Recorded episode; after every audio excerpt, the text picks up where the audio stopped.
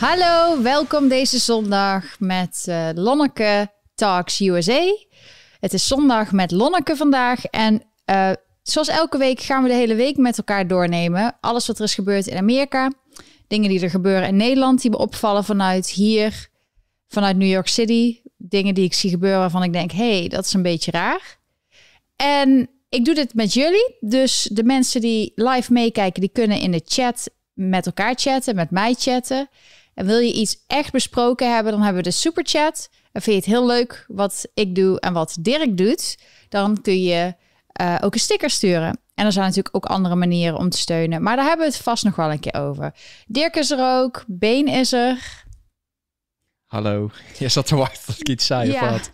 En uh, ik voel me wat beter dan gisteren. Ik had gisteren een Engelse live chat. En daar moest ik echt heel, uh, heel veel moeite voor doen. Maar het grappige is, als ik dan met jullie chat, dan gedurende de chat, dan ga ik op in het onderwerp en dan voel ik me beter. Dus dit is ook voor mezelf een hele goede therapie. En ik hoop ook dat jullie het leuk vinden. Want ja, soms leer je er wat van of krijg je wat rustiger gevoel. Mijn bedoeling is gewoon dat we met z'n allen naar de wereld kijken en proberen iets ervan te begrijpen. En in ieder geval te weten dat je er niet alleen voor staat. Er zijn meer mensen die denken, die anders denken dan wat de mainstream media allemaal vertelt.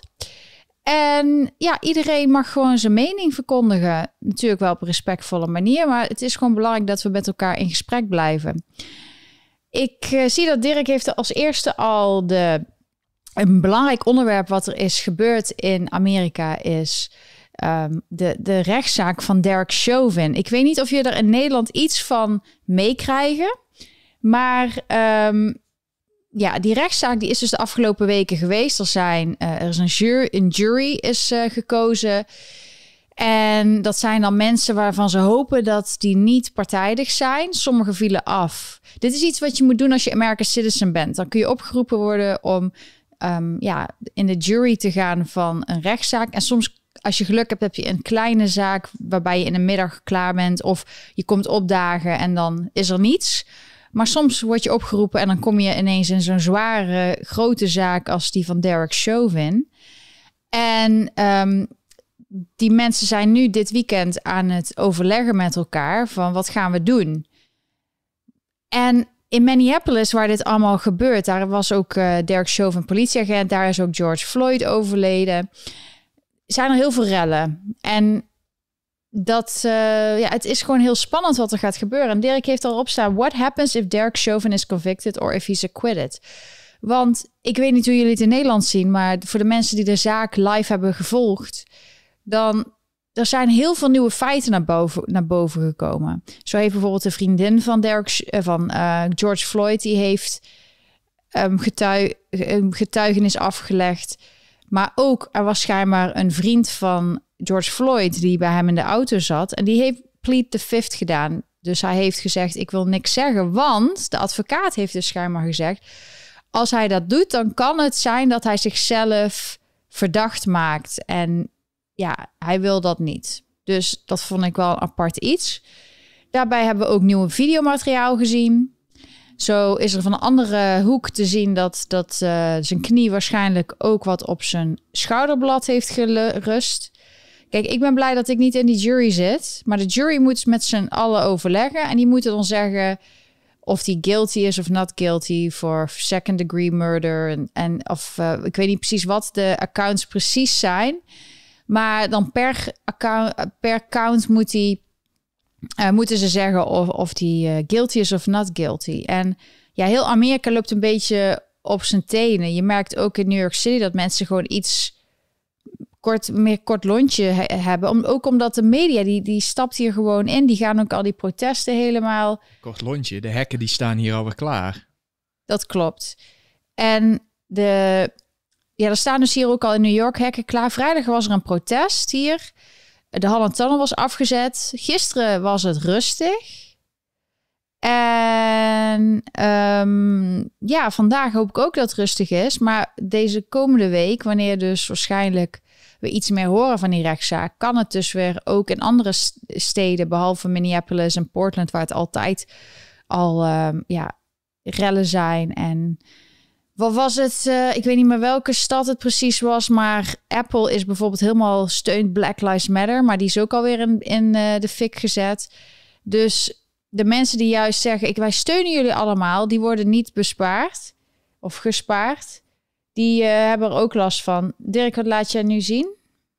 Dit is dat mensen in... Ja, ze, ze waren toen allemaal het zeuren dat de de National Guard die mocht niet komen. Trump zegt wij kunnen de National Guard inzetten als jullie daarom verzoeken. En nou staat er dus blijkbaar in Minneapolis is er wel National Guard die mensen onder gunpoint uh, arresteert. Oh, nu kan het dus ineens wel. Ja, maar ik, ik, daar hoor je hier dus ook helemaal niks van. Dus ik vraag me af, wat, wie heeft dat? Dat heeft dus de, de governor heeft dat dus in ieder geval goedgekeurd. Maar wat is de reden dat dat nu wel zo is? En een paar maanden terug en eh, niet. Ja, het is jammer genoeg een beetje een politiek spelletje. in de media die, die, die helpt ook mee. Er was zelfs een man die riep de media op van jullie zorgen alleen maar dat het erger wordt. Want jullie zijn hier aanwezig om maar het aan te wakkeren. En jullie zeggen dingen die mensen bozer maakt. En dan wordt het erger meer mensen straat op. Dus jullie helpen niet. Nou, dat weten we al heel lang. Dat de mainstream media dat doet. We gaan het daar ook nog meer over hebben, want er is nog meer uitgekomen. Ik zie dat er heel veel mensen kijken, steeds meer mensen komen erbij. Misschien is het leuk om iemand een appje te sturen, dat hij ook meekijkt en mee kan chatten. Gezellig met z'n allen. Uh, hoe meer zielen, hoe meer vreugd.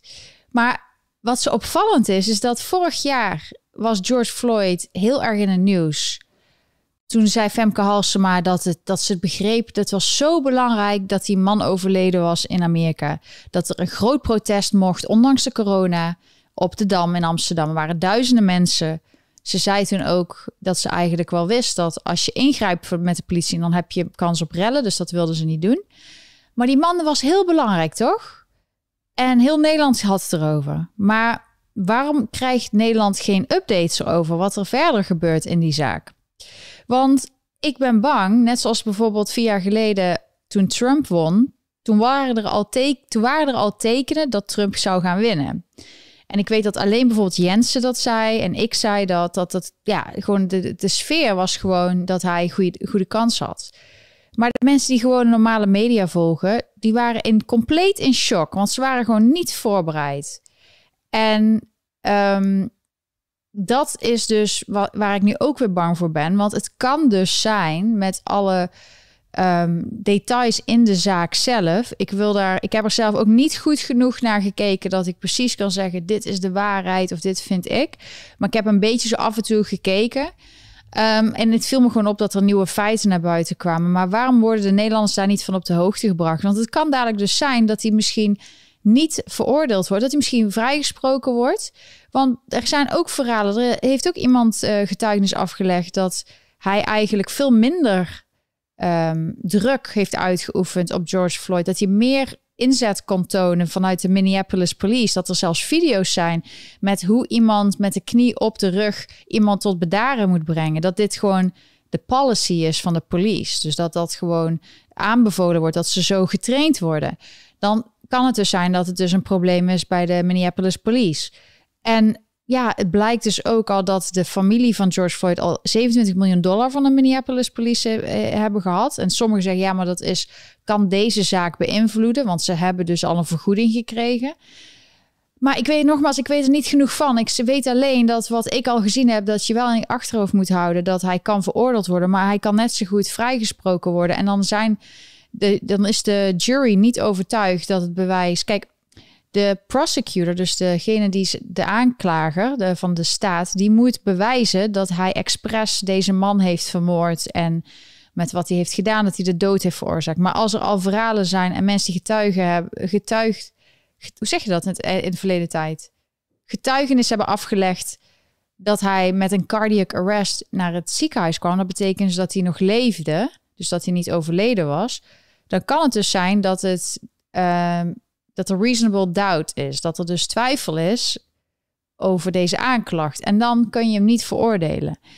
En dit is dus uh, het probleem. Wat zeg je, Dirk? Jij laat hier iets. Ja, jij, zeg, jij geeft net aan van uh, wat de reden is uh, dat de politie um, dat doet, mensen op die manier onder controle houdt. Maar eh, ik heb hier al een keer eerder naar gerefereerd. Michael Wood, eh, eh, die is bij Joe Rogan geweest. Eh, hij is politieagent in Baltimore. Ehm, en hij geeft heel duidelijk weer wat het probleem precies is. Die mensen die hebben gewoon echt een zwaar gebrek aan training. En het feit dat er nou recentelijk weer iemand neergeschoten is, waarbij een, een vrouwelijke agent die, die, die vergist zich Dat zegt in ze. het wapen dat ze pakt. Ja, ze roept gewoon heel hard eh, taser, taser. En dat is gewoon eh, standaard protocol. Als jij, eh, je- je- er zijn tig van die video's online. Je zegt altijd, waar ben je aan het kijken? Ik ben altijd van die video's aan Ja, het je bent kijken. altijd van die verdedigings- en politiecam video's aan het Ja. kijken. Dus hun roepen gewoon wat, eh, wat ze gaan doen. Taser, taser, dan weten ze, oké, ik moet die verdachte niet aanraken, want die staat ook onder stroom. Pistool, dan weten ze, oké, ik moet niet in de line of fire. Als er mensen toch in de line of fire, da- daar hebben ze allemaal commando's voor.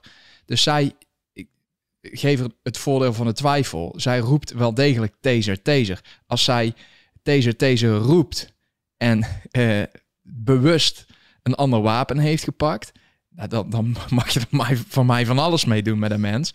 Want die hoort hier niet meer te zijn dan. Ja, er zijn ook politieagenten in Amerika die vinden dat gewoon stom. Maar als je dan luistert naar eh, die, die Michael Wood, er is gewoon een gebrek aan training. En dat viel zelfs in Nederland op bij dat programma eh, Bureau 040. Eh, dat er gewoon weinig training ook in Nederland jongen is. die, die, die, die, die moet schieten en die zakt. Dus ik denk, oké, die kerel die mag dus, die moest zijn wapen inleveren. Die mag gewoon de komende tijd niet meer eh, gewapend rondlopen. En die krijgt gewoon administratieve taken de komende tijd. En die moet weer schietles doen. Nee, die kerel die komt de volgende ochtend weer eh, op die schietbaan. En die mag het gewoon nog een keer doen. Dat, waar, waar zijn we dan mee bezig? Dat is geen training. Hij kan het niet. Nee. Ga hem dan trainen. Ga hem dan niet op pad sturen. En zo gaat dat hier waarschijnlijk ook. Want dat zegt die Michael Wood ook. Het aantal uren eh, les dat je krijgt is gewoon heel minimaal. Maar ook eh, rijles is er gewoon bijna niet. Autorijles. Ja, en die hebben high-speed chases. En Ja. het, het- Dus, iedereen, dus jij raadt aan om dat te kijken. Ik zie ondertussen de eerste superchat. Dankjewel, Nico. Je zegt, ik heb Louder with Crowder gekeken en de Officer Tatum. Dus dat, die had ik ook eh, aangeraden om daarna te kijken. Brandon Tatum, daar kijk ik, eh een oud of, eh, oh ja, police officer. En dat zegt al meer dan genoeg waar ik naartoe leun in mening. Misschien een beetje biased. Dus ja, Ehm, maar daarom is het zo fijn als je zelf onderzoek doet, heb je zelf een beetje een mening. En dan als er iets gebeurt en er komt een uitspraak, dan heb je meestal wel meer een idee wat het gaat worden. En kijk, het is zo dat er zijn meerdere juryleden. je hoopt natuurlijk, kijk, het kan best zijn dat er één iemand eh, beïnvloed wordt. Maar waarom denk je dat er zoveel rellen zijn daar? Dat is ook om die mensen te beïnvloeden. Om te zorgen dat ze ja, dat er druk op wordt gezegd dat hij moet veroordeeld worden, want anders wordt het erger. En ze zeggen dat ook gewoon live van ja, als hij niet veroordeeld wordt, dan wordt het nog erger op straat. Dat is toch geen rechtspraak als je zo, dat is terreur, dat is tirannie. Maar ehm, daarom is het goed dat je niet alleen de mainstream media, daar kun je naar kijken om te zeggen van oké, dit is het gewone officiële verhaal, maar ook andere, bijvoorbeeld de Louder with Crowder, die heeft gewoon de, eh, het, de knie op zijn rug nagedaan. Gewoon ook hoeveel minuten. Er was iets van acht minuten zoveel. Dat heeft hij nagedaan. Hij zegt het is niet oncomfortabel, maar ik kan wel gewoon praten. Ehm, hij heeft dat ook gedaan bij Jeffrey Epstein toen hij overleden was. eh, wat ze zeggen dat hij dus de, de zelfmoord had gepleegd om zijn nek. Dat had hij dus proberen ook na te doen. Te kijken hoeveel druk erop kwam. Of je dan iets kan breken. Uh, hij doet dat een beetje op een ludieke manier. Maar wel eigenlijk serieus. Om een beetje mensen te visualiseren wat er gebeurd is precies. Want een kort videootje, net zoals je nu ziet bijvoorbeeld de andere hoek, de andere bodycam laat een ander beeld zien. En er is zoveel in de media gekomen. Oh ja, hier laat je het een stukje zien. Uh, er is zoveel in de media gekomen, in Nederland ook, om mensen boos te maken. Allemaal racisme en ook in Amerika, over Amerika het verkeerde beeld te geven. Die niet past bij de realiteit. Het is alleen omdat het heel groot in de media constant is. En het is een feit dat er heel veel mensen worden doodgeschoten uh, in Amerika. Um, ook onderling. heel veel gangs. In Chicago is het al jaren een probleem. En het is vaak gebieden waar juist politie zou moeten zijn. Maar door de hele defund police is er minder politie. Hetzelfde als hier in New York City. Ook moord is echt, uh, ik weet niet meer hoeveel procent, 20 procent dit jaar al omhoog vergeleken met vorig jaar.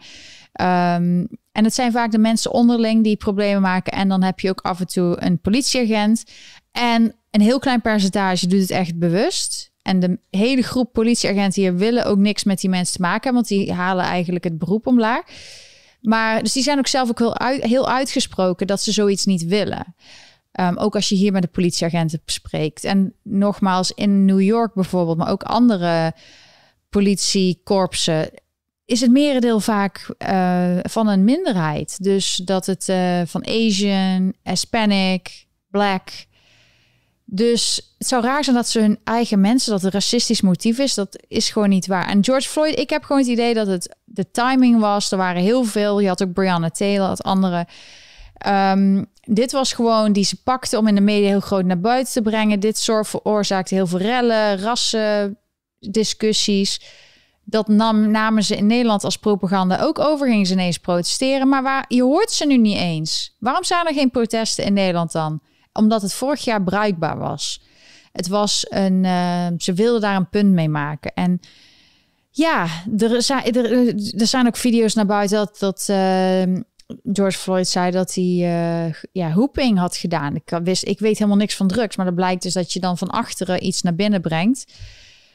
Um, dus ja, en ook zijn vriendin heeft gezegd en ook die drug dealer en zo. Ze hebben allemaal gesproken. En hij, dacht, is... hij dacht niet dat hij een coronatest aan doen was, per ongeluk. Nee, maar nee. En um, ja, wat. Uh, dus er, er komt, het, het komt naar buiten, alleen het wordt misbruikt. En zo was er van de week ook een. Er worden ook gewoon blanke mensen neergeschoten of door een chase of wat dan ook. Maar die komen niet zo in het nieuws. Daar zijn geen rellen voor, er zijn geen protesten voor. De media is er niet. En het is ook nog vaak mensen die dus al uh, nu bijvoorbeeld een jonge jongen overleden. Die had dan schijnbaar de bijnaam Lil Homicide. Nou, dat krijg je niet zomaar. Maar het is verschrikkelijk dat, dat zijn leven gewoon over is. Maar hij stond daar schijnbaar wel met eerst met een uh, pistool. En toen ineens was hij niet meer. En de media laten alleen het stuk zien dat hij geen pistool had. Maar de he het hele verhaal eromheen is wat zo'n situatie veroorzaakt. En ook bijvoorbeeld Brandon Tatum en andere uh, oude politieagenten ook African Americans, die zeggen gewoon: je moet gewoon luisteren naar de politie, want dan is er gewoon niks aan de hand. En, uh, maar iedereen doet eraan mee in de media. En ik heb het gisteren ook in de Engelse versie gedaan, maar ik zal het ook in de Nederlandse laten zien. Ik probeer dus een beetje tegenwicht te geven, een beetje common sense tegen de berichtgeving van andere correspondenten die er echt heel veel geld voor betaald krijgen om dat werk te doen. Maar ik zag Erik Mouthaan, die had dus een uh, tweet eruit gegooid. En kijk, wij waren er niet bij, dus ik kan niks over zeggen. Maar de hele insinuatie van die tweet, die zegt gewoon al heel veel. Um, dat, dat hij schijnbaar in een taxi zat. En het is nu heel rustig, dus er zijn minder taxis. Taxichauffeurs hebben gewoon minder werk.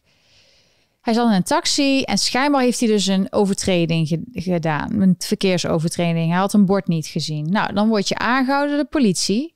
Daarbij wordt gezegd hij zegt hier taxi waarin ik zit aangehouden door agenten in burger, ongemarkeerde wagen. Nou, dat kan, verkeersovertreding. Wachten 14 minuten op de bon. Nou, je moet alles moet gecheckt worden. Dus je neemt, je krijgt je license en zo. Dan gaan ze terug naar de auto en dan wordt alles gecheckt. Dat is in Nederland ook zo. Ja, ik wou net zeggen, even voor de context. Als je aangehouden wordt in Nederland, hoe lang duurt dat ongeveer? Dat is niet vijf minuten. Ja, maar in ieder geval, ik probeer het dus even gewoon met de informatie die hij geeft uit te leggen.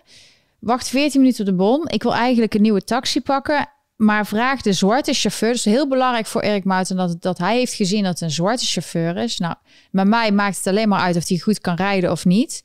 Dat is voor mij het enige belangrijk. Ik wil gewoon veilig van A naar B. Maar hij zegt dat het een zwarte chauffeur is. En hij vraagt of zich zorgen maakt en liever wil dat ik bij hem blijf. Zijn antwoord is yes.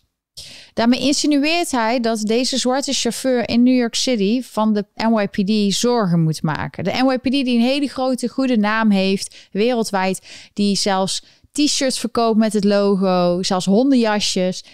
Um, die heeft gewoon een hele goede naam. En als er iets gebeurt, dan is het vaak grote ophef, omdat dat niet is wat de NYPD wil. Die willen gewoon. Dus kun je ook heel leuk mee praten. Die zijn er, onze ervaring is heel positief. En Het is een hele diverse groep. En die hebben gewoon allemaal een familie. En daar willen ze gewoon ehm, ja, voor geld zorgen, een baan hebben. Dit is een baan voor het zorgen van hun familie, maar ook om de community veiliger te maken. Zij stopt en eh, hij zegt, nou oké, ik blijf wel zitten, maar ik heb mijn telefoon bij om dus te gaan filmen. Nou, hij heeft niet gefilmd blijkbaar. Waarom niet, zou ik denken? Want het zou wel fijn zijn. Dan hadden we kunnen zien hoe die politie tegen hem praten, die agenten. Agenten zijn eindelijk terug. Hij krijgt waarschuwing voor negerenbord. Nou, we, hadden het gisteren ook over dat uh, Dirk, uh, als wij hebben niet die geluk gehad om een waarschuwing kregen. Wij kregen elke een keer een boete. Dus dat is heel fijn en bijzonder. En het is vaak ook als je een passagier hebt zitten in de taxi, dan is de politie meestal ook wel wat vriendelijker. Um, dan hebben ze iets, ja, je hebt een passagier hier zitten, laat ze snel verder gaan, want het is jouw inkomen. Hij krijgt waarschuwing voor negeren uh, bord, we zijn op weg. Nou, dan zegt hij, ik vertel dit niet om mezelf op een bord de borst te kloppen of zo. Eerder tegendeel.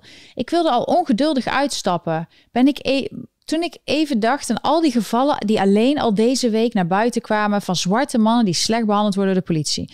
Nou, alle taxichauffeurs vinden de politie gewoon vervelend dat ze aangehouden worden voor uh, overtredingen. En de politie is daar gewoon zeker in deze tijd, omdat ze New York heeft gewoon geld nodig. Dus die gaan alle overtredingen. Dat merken wij hier ook. Als wij niet geveegd hebben voor het gebouw, dan krijgen we al een boete van dat we ja, dat het niet schoon is. Ze proberen op allerlei manieren geld te krijgen met boetes. Dus dat is gewoon nu hoe het is. Maar om dat te linken aan ras en ook waren deze politieagenten blank? Want dan had hij het waarschijnlijk wel erbij gezet. Misschien waren ze eigenlijk al Hispanic of iets anders. Maar hij maakt dus, hij insinueert dat dit een ras iets is. En dat je dus als, ja, dat je als zwarte chauffeur moet je je zorgen maken. Ben je een slachtoffer? En dan komt de witte redder, de blanke redder, Erik Mouthaan, die komt jou redden. Dus er is een woord voor, hè? Wat dan? Woord. White knighting. White knighting, ja? Ja. Oké, dus dan, dus je hebt het idee, wij vinden jou slachtoffer, we vinden jou uh, zielig. Dus ik heb dat niet. Ik moet dat begrijpen dat het voor jou zwaarder is het leven. Dus uh, ik ben er als een redder en ik ga je helpen. En ik ga andere mensen dit ook voorleggen. Maar dit is gewoon een fantasie. Dit is iets. Als ik die situatie had meegemaakt, misschien had ik gewoon met die chauffeur gelachen van, ah, jammer zeg, dat ze je pakken. Ja, ze moeten geld hebben hier in New York, weet je wel. Je krijgt voor het, om alles een boete. Ja, dus Echt om alles. Want ja. ze, er komen geld tekort. Je hebt hier heel vies, heel vaak ja, eh, taxichauffeurs. Dat, vertelde ik net. Wat met dat plasje? Ja, volgens mij was je het aan het opzoeken. Heb je niet geluisterd naar het stukje wat ik zei. Oké, nee, dat is gewoon echt smerig. Ja, inderdaad. Ze hebben ook gooien ook altijd flesjes plas naar buiten. Die taxichauffeurs die hebben geen tijd naar de wc te gaan. Dan plassen ze dus in een flesje en dan gooien ze dan bij ons voor de deur. Maar er zijn een paar dingen gewoon heel kwalijk. Want hij is journalist. Ja. En hij vertelt nu een eenzijdig verhaal. Volgens mij is er iets, zoiets als hoor en wederhoor. Ja. Waarom gaat hij niet... Eh, waarom confronteert hij die mensen daar niet? Waarom vraagt hij niet netjes aan die agent? Stelt hij hun ook in de gelegenheid om uh, een verhaal te, hun verhaal te doen. In plaats van dat hij ze direct in een, in een kwaad daglicht schetst. Uh, in een tijd waarin dat sowieso al heel erg gebeurt. Ja, en het is een kwalijke zaak. Want je, je bent het ophitsen. Je bent mensen in Nederland aan het laten lijken dat het heel erg is hier in New York. En er zijn wat dingetjes heel erg. Onderling uh, schietincidenten zijn omhoog en moorden. Ze, ze, ze pakken elkaar. Er is meer criminaliteit. Klopt, mag je allemaal zeggen. Um, er zijn meer daklozen op straat. Er zijn meer mensen die niet helemaal geestelijk goed zijn. Die uit het niets een soort, ja, hoe noemen ze dat? Een knockout game doen. Dat ze, en vooral, het zijn vaak African Americans, daklozen die dan Asian people. Want je, hebt, je hoort misschien wel over Asian crime. Nou, tot nu toe alle gevallen die ik heb gezien waren African American dakloze mensen. Uh, maar je hebt natuurlijk ook blanke mensen die doen. Iedereen. Er zijn gewoon heel veel dakloze mensen van verschillende etniciteiten die het zwaar hebben, die geen begeleiding hebben, die op straat leven. Er zijn minder toeristen, minder geld krijgen ze, minder eten. Dus die gaan wat andere mensen lastigvallen. Dat is er allemaal. Dat soort problemen zijn er ook echt. En we hebben hier ook uh, shootings gehoord in een veilige buurt. Dus dat is er. En dat is vooral omdat de politie niet mag ingrijpen. En door dit soort verhalen wordt het alleen maar moeilijker voor de politie om the right thing te doen. Want Blijkbaar waren ze heel aardig, had een overtreding. Dus ik zou die taxichauffeur adviseren de volgende keer negeer geen um, sign, een uh, stopbord. Maar hij heeft heel veel geluk. Dus misschien heeft hij juist eigenlijk wel wat ze black privilege noemen. Dat misschien omdat hij gekleurd was, dat hij juist een waarschuwing kreeg. Omdat in deze tijd het al allemaal gevoeliger ligt. Ja, maar je ziet onder zijn tweet ook wat er gebeurt. Want de meeste mensen die hebben zoiets, oké, okay, het, het wordt wel heel eenzijdig belicht. In mijn ogen, als ik die taxichauffeur was, dan had ik ook gedacht, nou, daar zit weer zo'n knuppel achter in mijn taxi. Uh, en die, die, die, die, die probeert te white knighten, zeg maar in dit geval. Ja. Uh, die wil ik in mijn taxi houden, want dat metertje loopt. Uh, anders moet ik dadelijk weer een andere passagier zoeken. Dat kost me allemaal geld en tijd. Dus dat gaan we niet doen. En het is niet zo dat dit de eerste keer is dat die taxichauffeur aangehouden wordt. Want je hebt hier politie, je hebt hier uh, transportation police. Uh, daar word je helemaal gek van. Daar hebben we het ook. Wij gaan altijd een gesprek aan met de taxichauffeur. Maar even om het verhaal af te maken. Uh, dan heb je hier wel zo'n vrouw en die zegt meteen weer van... we hebben denk ik geen idee hoe het is om als African American op te groeien in Amerika. Constant angst voor de mensen die jou horen te beschermen. Kijk, dit soort dingen. Ik, ik probeer de hele tijd een piepje in mijn hoofd uh, te doen, dat ik mijn mond... Maar dit soort verhalen krijg je dan. Nee, je hebt inderdaad geen idee. Want Erik Mouthaan, die loopt niet over straat en die gaat niks aan mensen vragen. Die zit in een taxi en die maakt er zelf een verhaal van. Ja. En zo gebeurt het de hele tijd. En hij heeft het niet gefilmd. Dus... Nee, en als dit in de krant had gestaan, had er ook nog een hele mooie titel bij gestaan. Want die had hij ook nog even uit zijn duim gezogen. Ga eens over Canal Street lopen en ga eens met die mensen praten. Ga gewoon eens Brooklyn of de Bronx in. Ga eens met die mensen praten. Die worden er helemaal ziek van hoe er over hun gepraat wordt. Slachtoffer, slachtoffer, helemaal geen slachtoffer. Die mensen zijn net als iedereen keihard aan het werk om hier in levensonderhoud te voorzien. Ja. Net als iedereen. En als jij de hele dag van dit soort kulverhalen hoort, dan word je daar knettergek van. En je ziet alleen maar posters. History Month this. Uh, help black people there. Je, dit Ze, werkt niet. Zij willen geen slachtoffer zijn. Nee. Dat is maar een klein groepje die wil graag alles gratis hebben. En die, en die willen dus en er eigenlijk... zijn, er Ja. zijn alle kleuren.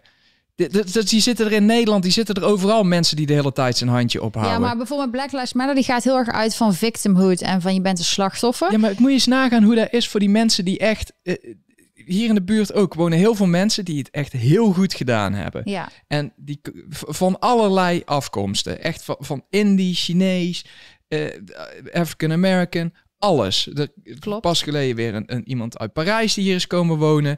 En als jij tot die groep behoort en je hoort alleen maar... oh, je bent zo zielig, je bent zo zielig. Dat, dat is toch niet leuk? Zelfs als je het goed gedaan hebt. En die kinderen die nou een studiebeurs krijgen hier... die, die hebben continu, zit er in hun achterhoofd van... hey, heb ik dit gekregen omdat ik echt goed ben? Of omdat ik toevallig in hun plaatje pas op dit moment. Ja. Want als het niet meer past, en dat was hetzelfde als met dat hele kulgedoe met maatschappelijk verantwoord ondernemen en een groene sticker op je bedrijf en weet ik het allemaal. Iedereen had, was ineens allemaal groen en maatschappelijk verantwoord en heel de flauwekul. En over een jaar komt het ze niet meer uit. En dan boeit het ze ook helemaal geen reet meer. Dan kan iedereen er weer in stikken. Je ziet nou in Nederland dat er helemaal geen interesse meer is in heel de George Floyd. Ik vraag me af, ja, eh, maar in ieder geval om terug te komen op deze situatie. Hier in de buurt zie je alleen maar, of alleen maar, vooral African American jongelui. Die gaan winkelen bij Dior en Louis Vuitton. En het is elke dag en al maanden zo. Dure auto's, Bentleys, rijden af en aan. Ehm, ik, moet, ja, ik heb geen slachtoffers gezien. Ik heb succesvolle African Americans gezien. Dus ik weet niet waar hun de verhalen vandaan halen, maar ik zie het hier niet. En zelfs de mensen, ja, de, de, degene die wij spreken, die, ja, die willen er gewoon werken en die willen gewoon serieus genomen worden. Ook security. Het is raar dat, dat tijdens de rellen vorig jaar, dat het vooral eh, de black security guards waren die tegen ons zeiden: als, jullie, als ze bij jullie binnenkomen, dan mag je bij ons in de winkel. En Dirk die was ook tijdens de rellen veel buiten. En die hielp ook mee, bijvoorbeeld de Apple Store. Maar er waren te veel mensen die binnen wilden gaan. En toen bleek achteraf dat de Apple, die had eh, die telefoons die gestolen waren, die hadden allemaal een bepaalde beveiliging erop. Dus die konden ze niet gebruiken.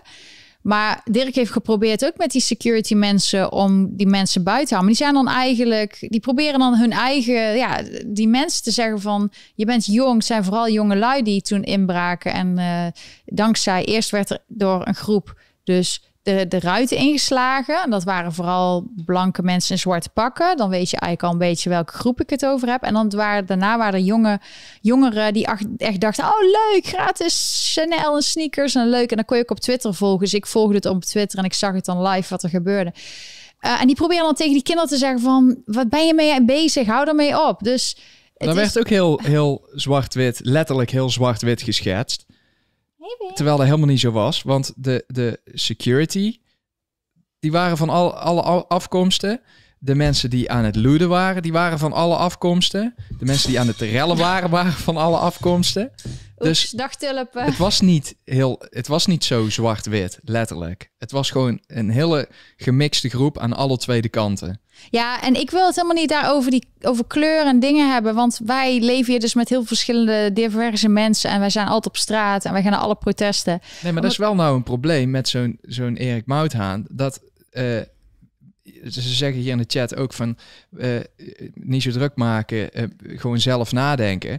Eh, heel veel mensen hebben dus blijkbaar of niet de tijd of niet de capaciteit om daar zelf een oordeel over te vellen, wanneer daar uh, uh, op een hele eenzijdige manier over bericht wordt en continu over bericht wordt. Ja, dus dat is dus de hele tijd, het wordt echt opgehitst. Als jij naar kleur kijkt en ook als je verhaal maakt en allemaal denkt het gaat om kleur, maar ook waar je zegt white knighting, dat, dat, dat ze dan het gevoel hebben van wij moeten begrijpen en wij moeten, net zoals in Georgia, daar willen ze door de verkiezingen en de gedoe wat er is gebeurd, wilde Georgia dus volgens de officiële nette regels stemmen om dus de, de, de regels aan te scherpen. Dat het weer terug is dat je een ID moet hebben. Nou, dan moet je hebben voor alles wat je koopt.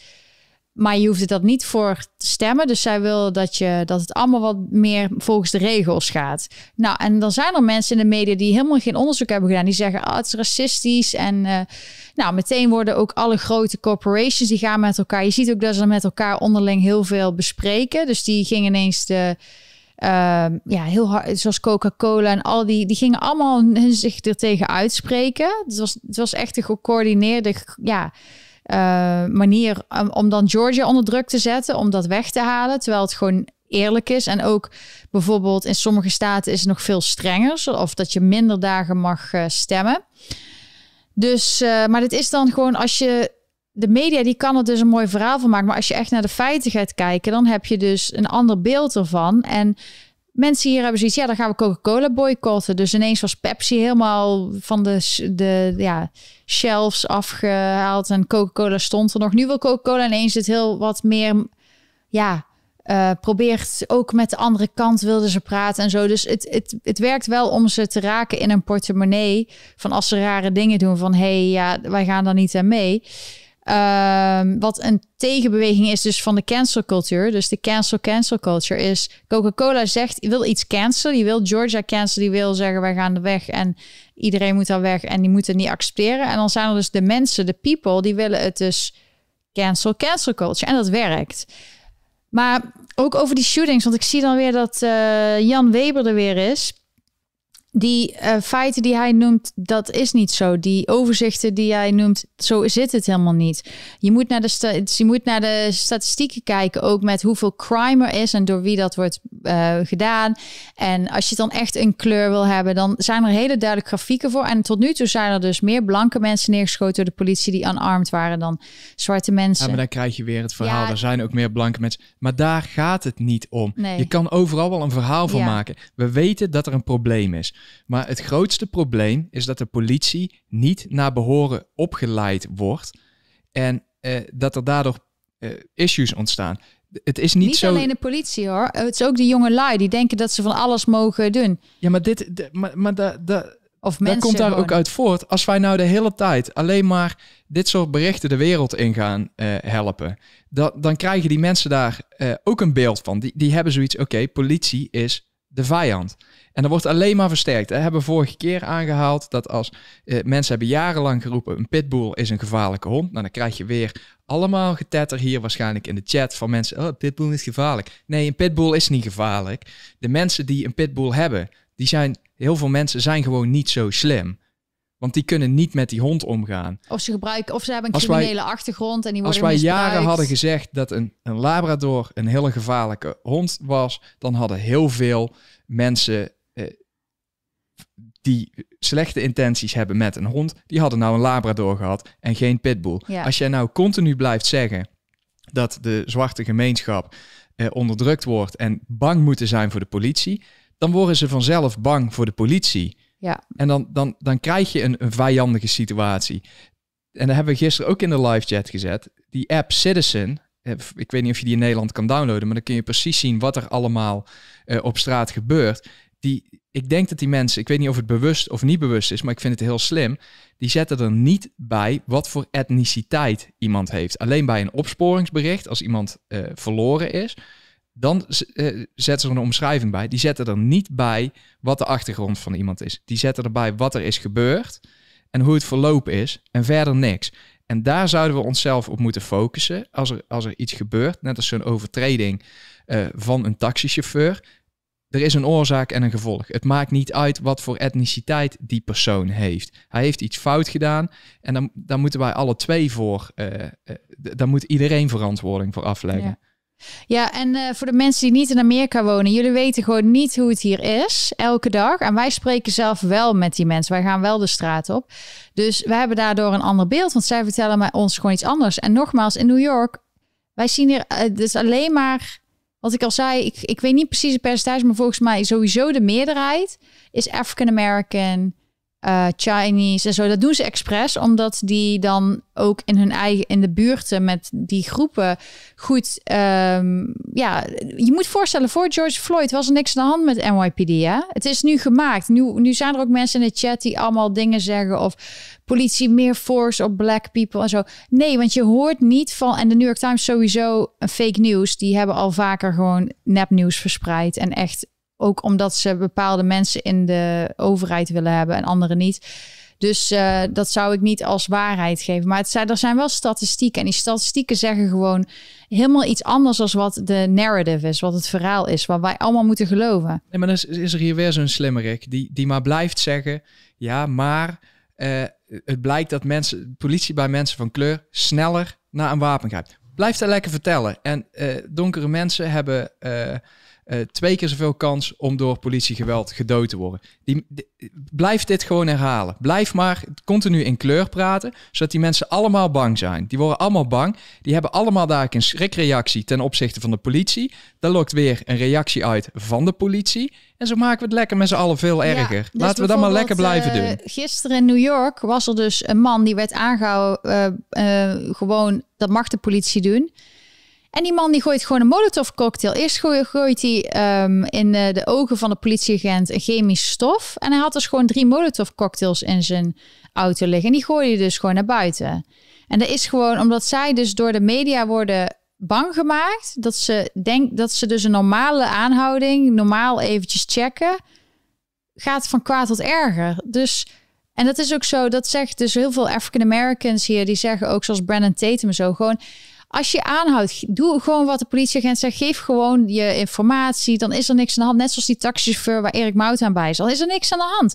Maar als je allemaal gaat wegrennen, eh, wapen laat zien enzovoort. Dan wordt het van kwaad tot erger. Ja, deze. Dit, dit, dit, dit. Het is gewoon een aanhouding Het is gewoon een donkere agent hè, die erbij staat. Ik weet niet, maar Ja. daar wordt dan weer niet over gepraat. Nee, maar nee, goed. nee. Het wordt alleen gepraat over kleur als het mensen uitkomt.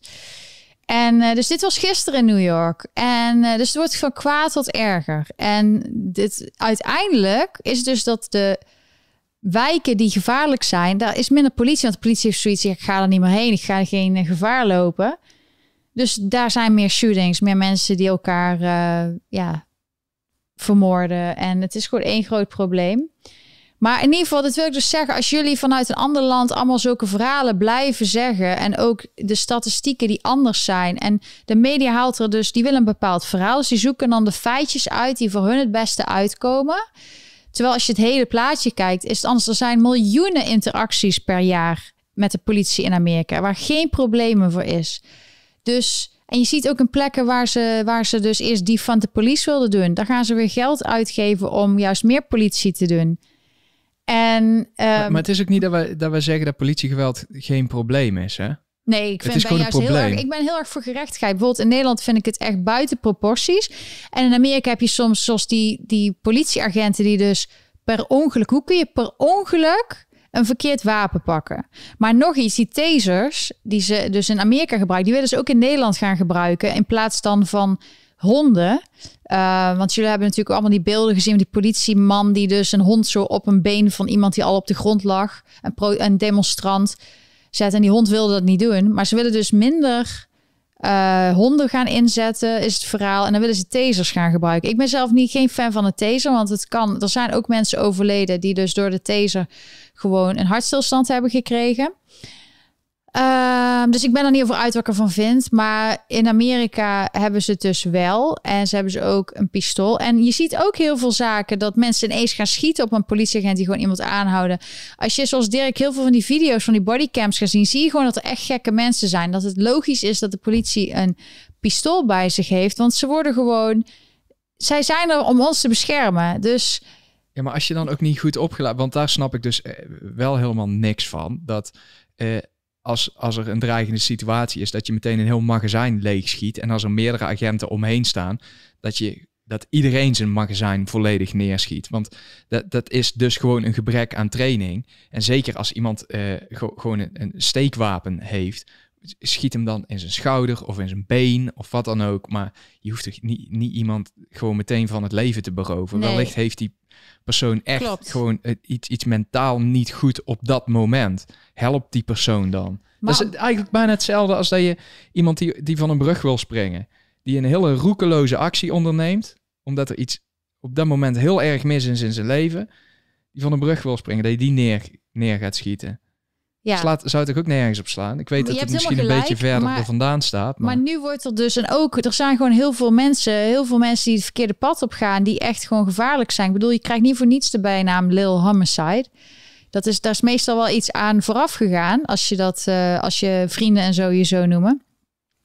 Maar je moet het hele verhaal. En dat is dus met Derek Chauvin ook die zaak. Het hele verhaal moet je zien. Nou, die man zijn leven is weg. Maar die heeft misschien volgens de Minneapolis Police, hoe ze zijn getraind, heeft hij gewoon gehandeld zoals er als het moet. Maar in de media wordt gaan dat hij expres op zijn nek is gaan zitten en al die dingen. Terwijl volgens mij, ja, George Floyd wilde niet in de auto, toen kon hij al niet ademen en hij had allemaal moeilijk. En ja, er is gewoon, je moet de hele situatie en niet zo selectieve mensen hebben. En dat zeg ik altijd mensen, je moet niet zo, zo het is heel moeilijk om zo te oordelen en heel erg mensen heel hard aan te pakken als je niet alle feiten weet. Ik probeer altijd mensen te bedaren. Net zoals met de uh, January 6 Capitol Hill. Er is nu bijvoorbeeld dat die rellen er waren. Er is één keer rel geweest dan. En dan willen ze doen dat dat Trump uh, veroorzaakt heeft. Nou, dat is dus niet zo.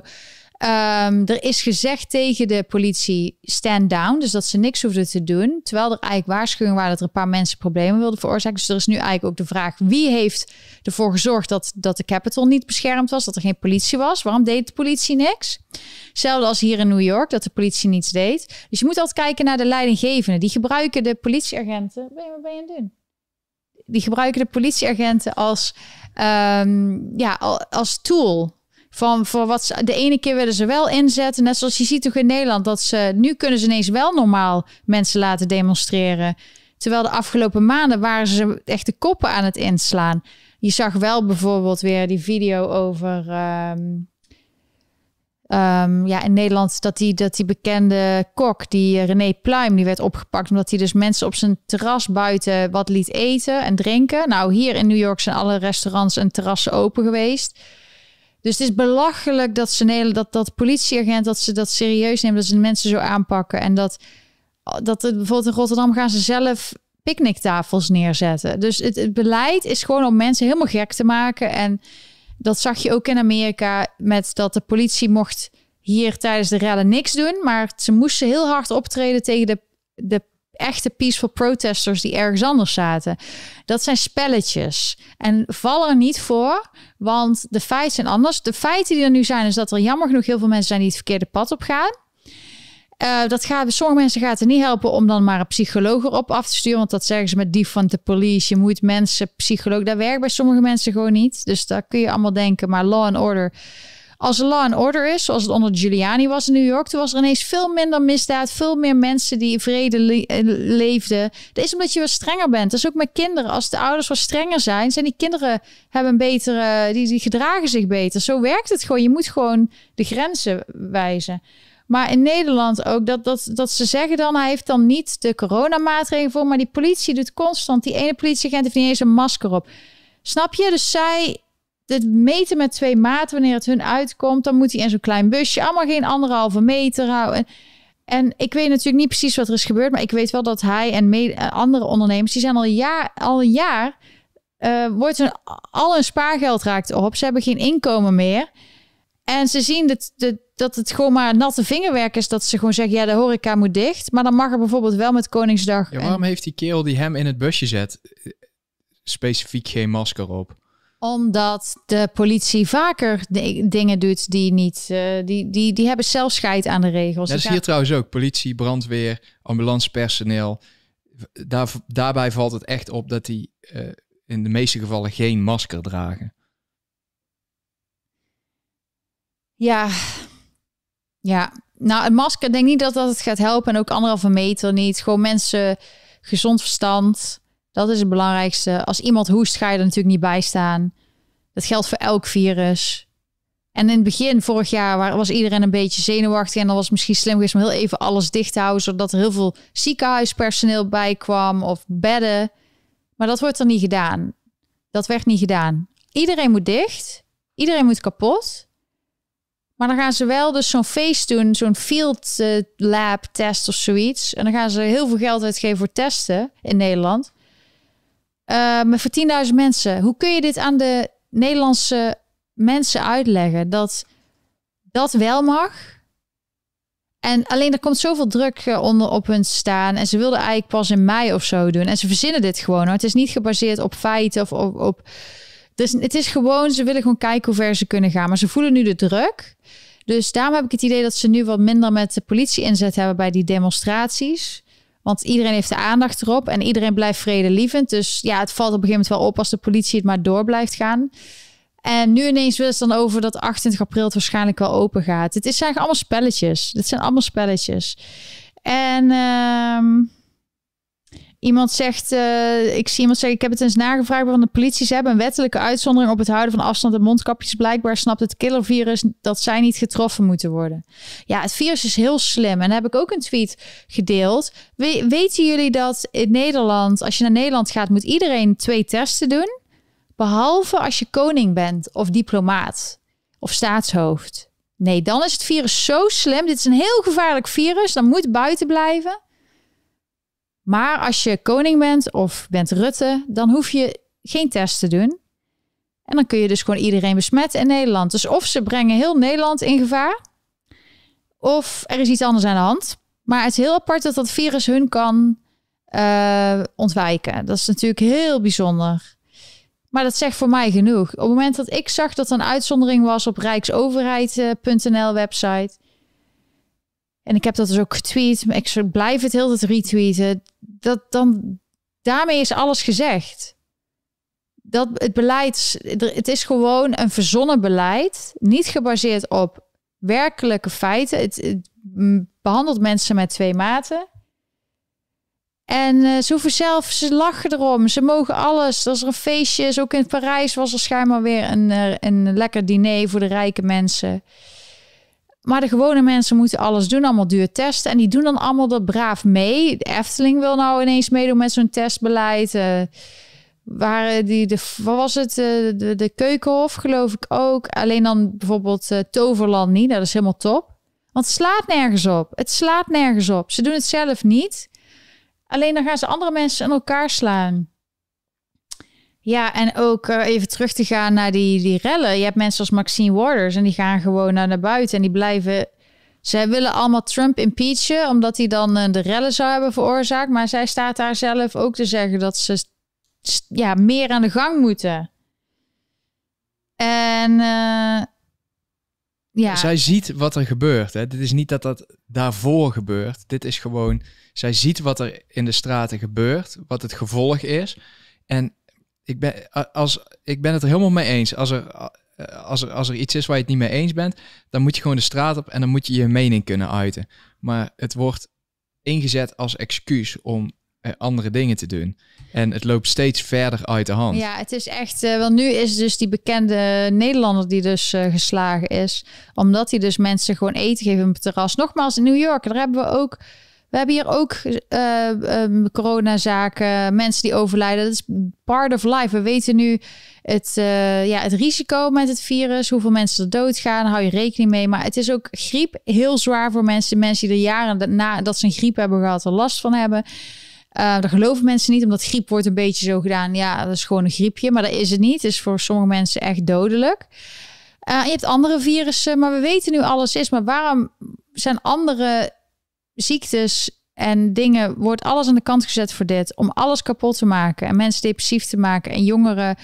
Dat, dat, het is niet meer uit te leggen. Het is niet meer uit te leggen. En ik ben echt iemand die probeert. Ik, geloof dit echt. Als het echt serieus was, zoals vorig jaar, was ik gewoon in het begin oké, we gaan even dicht, we gaan even lockdown. We gaan, maar als ze dan niet bedden erbij doen en geen ziekenhuispersoneel, er wordt niet geïnvesteerd, maar ze gaan in testen investeren, waar dus weer mensen geld aan verdienen.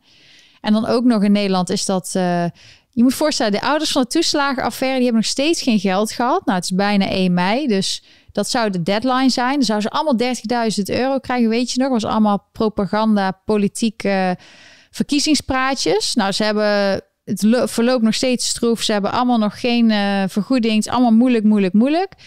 Maar als Sigrid Kaag 72 miljoen moet hebben om andere landen het coronavirus te, te helpen bestrijden, nou, dat kan Is, is zij niet van de pedo-partij? Ja, D66. Ja, die is nou wel uit de partij gezet.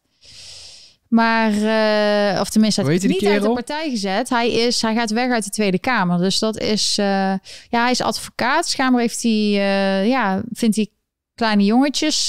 Dat is, ja. Maar El Elja had daar wel een goede over op Instagram gezet. Dat D66 ook de enige was die bepaalde dingen met pedofilie niet afkeurde, zeg maar.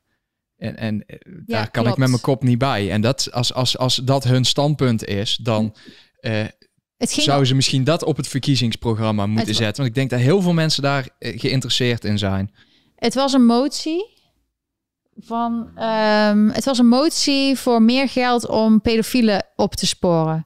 Maar moet je je voorstellen, als hij namens D66 toen in de Kamer. Daarvoor, want hij deed. Oh nee, hij is nieuw, hè? Dus dat kan niet. Nee, maar in ieder geval, iemand heeft dus daar gestemd dat ze dus niet meer geld wil om pedofielen op te. Terwijl alle partijen, including Denk en PVV, die stemmen er allemaal voor. Dat is een no-brainer. D66 stemde daartegen. Maar in ieder geval, die kan dus 72 miljoen kan uh, Kaag, die ongekozen of die is nu gekozen, maar die is demissionair. Er is nog helemaal geen nieuwe. Het is, ze mogen als demissionair mogen ze niet zware beslissingen nemen, maar toch blijven ze dat doen. Ook dat testen dat Hugo de Jong ineens 925 miljoen, en het is nu volgens mij al 1,1 miljard.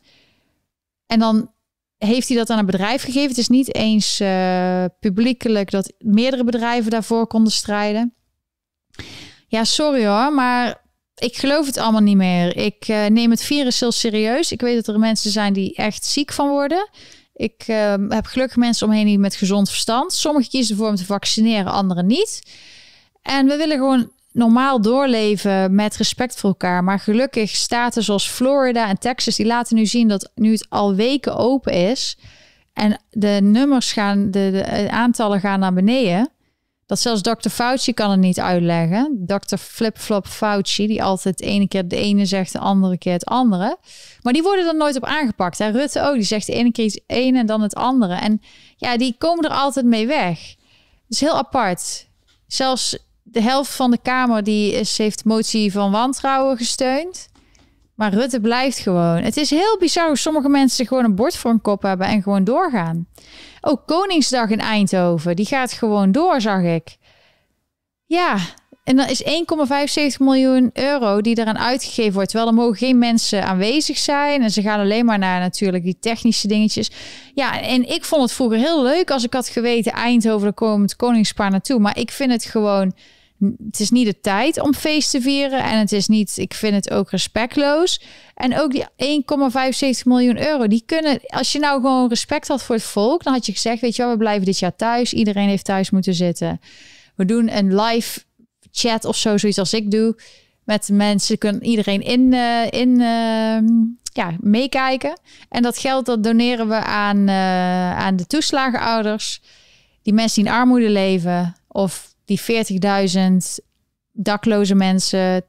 8000 kinderen geloof ik ook die op straat wonen. Daar doneer ik het aan. Dat vind ik beter dit jaar. En ik geef er zelf ook nog wat. Ik ben heel rijk en miljarden. Dus ik geef ook nog wat van mijn eigen geld. Maar ja, dingen, dat moet er gewoon doorgaan. En uh, ik eh, heb al van mensen gehoord dat ze met z'n allen in Eindhoven de vlag ondersteboven ophangen. Omdat ze eigenlijk vinden dat Nederland. Uh, ja, jij zet er nu iets bij. Maar dat vond ik een heel opmerkelijk ding. Ja, maar in ieder geval om Koningsdag nog af te maken. Dat in Eindhoven dus de vlag ondersteboven hangen. En dan, ja, sommigen zeiden ook, we gaan met de rug toe naar de, als ze langs rijden, dan gaan, of de burgemeester, we, we, dat doen ze in Amerika zo, dan gaan ze zo demonstreren. Dat, uh, ja, dan doen ze de rug, bijvoorbeeld politie, als het niet eens is met de Blasio, dan gaat de politie met z'n allen de rug naar de, de, de, de burgemeester. En dat is, voelt echt rot hoor, als je dat doet. Dus dat is een heel goed manier van peaceful protest. Dankjewel Ron voor je sticker. You are amazing. Nou, jij bent amazing too. Want uh, dankzij mensen zoals jij kan ik dit soort dingen blijven doen. Dan blijf ik ook gemotiveerd. Dat ik voel ik me gewaardeerd. Dirk ook kunnen we de burgers van Dirk, als Dirk eh, die heeft altijd honger na het eten, kunnen worden daarvan betaald. Of die heeft honger naar de live chat. Maar we gaan. Wacht even, wacht even. Eh, ik zat net te zoeken over Koningsdag, want ik wist niet dat het daarover zou gaan. Ja. Hij, gaat fysiek ook echt daar naartoe. Ja. Vrij. Ja.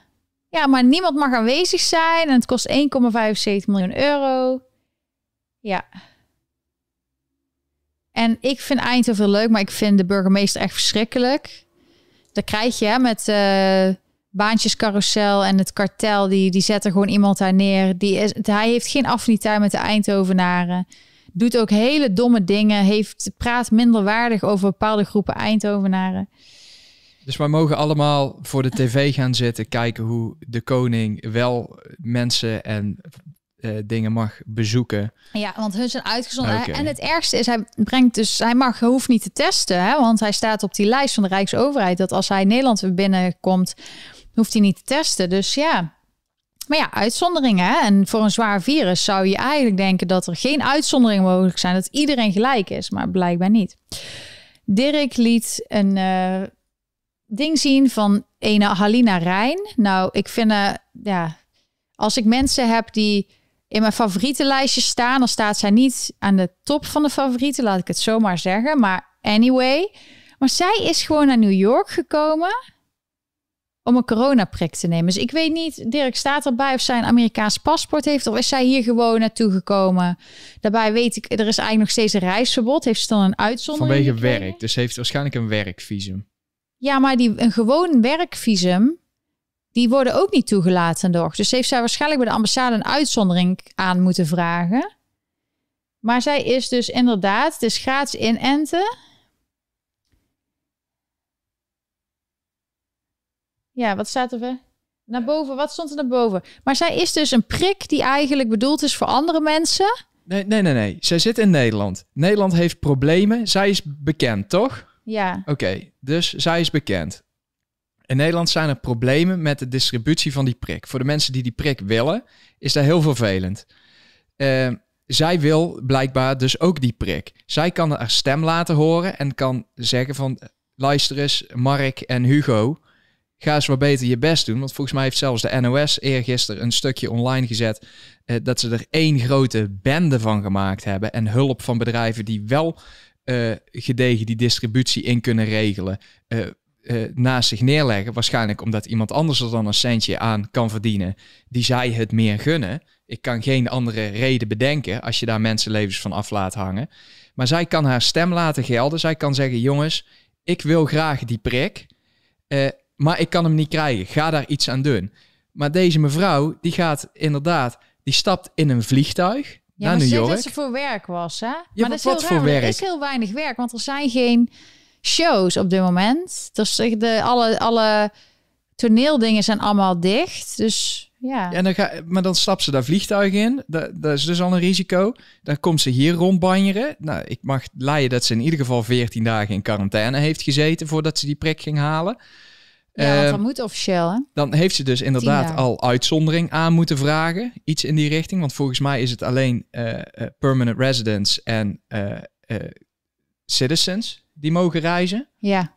Ehm, en dan pakt ze een prik af van mensen die hier graag een prik willen hebben. Ja, want mijn buurvrouw die wilde ook een prik. Alleen die kon, die was, moest echt zoeken voor een afspraak, omdat alles vol zat. Er, waren, er zijn blijkbaar mensen die willen graag gevaccineerd worden met deze nieuwe ehm, vaccinaties. En ik ben altijd voor ehm, ja, freedom. Dus als je dat per se wil, ehm, ja, er zijn mensen die zijn helemaal blij. En ook oudere mensen die, die helemaal nergens last van hebben. En er zijn ook mensen die zwaar ziek zijn geworden. Nou, ik vind dat je gewoon het zelf moet bepalen welk risico je wil nemen en zo. Maar ik vind dit gewoon weer een beetje zo'n voorbeeld van beetje luxe doen of zo. Ja, ik weet niet. Het is hetzelfde als dat je Erik Mouthaan bent en dat je, dat je zo white knighting, dat je zo... Ja, voor mij komt dat een beetje over van...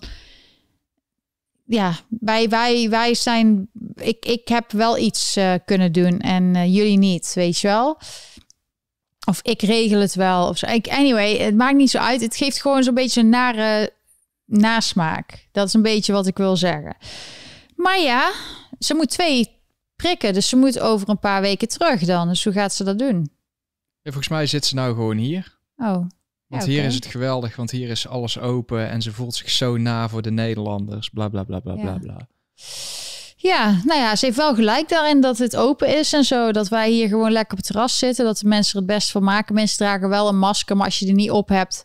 Dat zie je ook wel eens van vi- video's van mij die ik online zet op eh, Instagram en YouTube en Patreon. Dat ja, mensen die gaan gewoon... ehm sommigen hebben gewoon geen masker op buiten, anderen wel.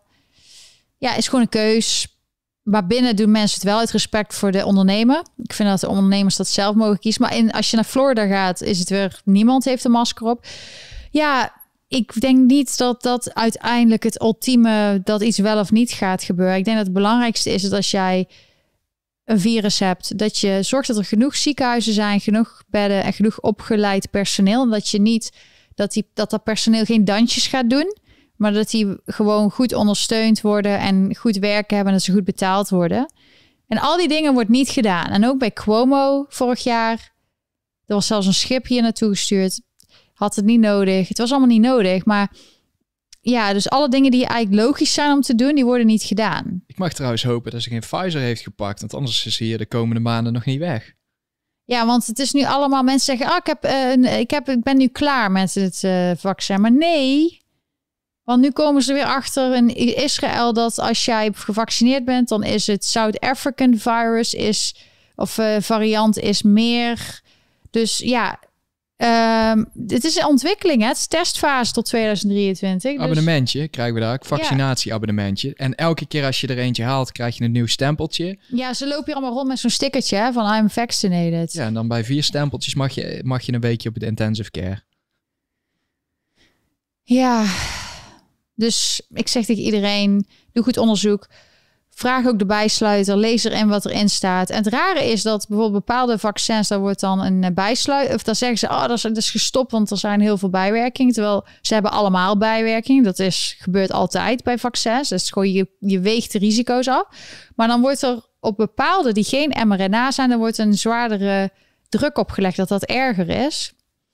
Dus, eh, maar het is wel apart dat heel veel mensen die dus gevaccineerd zijn, die lopen echt rond van, kijk, ik voel me beter dan de rest, want ik ben gevaccineerd. Terwijl ik heb zoiets van, ga weg sticker. Dat moet je lekker zelf weten. Je hoeft niet allemaal selfies erop te zetten en zo. Doe het voor jezelf. Normaal was een medische behandeling was echt iets voor jezelf, was privé. Dan moet je ook voor jezelf houden. Je hebt zelfs HIPAA, dat is een regels hier, een wet. Dat eh, alles moet allemaal geheim blijven. Eh, jij mag alleen zelf dat naar buiten brengen als je iets medisch, maar de rest mag dokters er mogen helemaal niks van zeggen. En nu ineens willen ze dat allemaal met iedereen delen. Dus dat is wel echt een verandering geweest.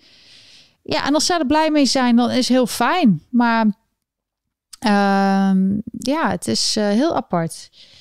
En dus in Amerika, we hebben ja, van alles aan de hand. Dus we hebben New York, we hebben het een beetje gehad dat de politie door verhalen zoals Erik Mouthaan en zo, dat, dat soort verhalen, als, dat doet de Amerikaanse media ook. En die maakt alles erger, waardoor mensen naar elkaar kijken alleen maar gebaseerd op kleur. Het, en de mensen die normaal zijn, die bijvoorbeeld, ja, die vinden dat heel moeilijk, omdat, ja, je bent een leuk persoon of niet. Heeft niks met je uiterlijk te maken, met je kleur. Maar het wordt zo die druk opgezet. Het is echt, als de media hiermee doorgaat en ze worden niet exposed, zoals bijvoorbeeld Project Veritas het doet, um, over wat CNN heeft gedaan. Dus Dirk laat het staan, want daar ga ik het over hebben. En dan gaan we daarna even over Project Veritas.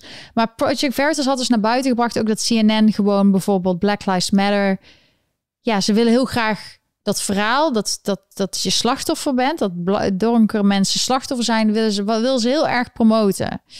Uh, er was weer Project Veritas is een undercover. Ja, die doen altijd. Um, hebben undercover journalisten en die doen dan mensen filmen die dan dingen zeggen en die zijn dan. Oh, wil je dat eerst laten zien? Oké.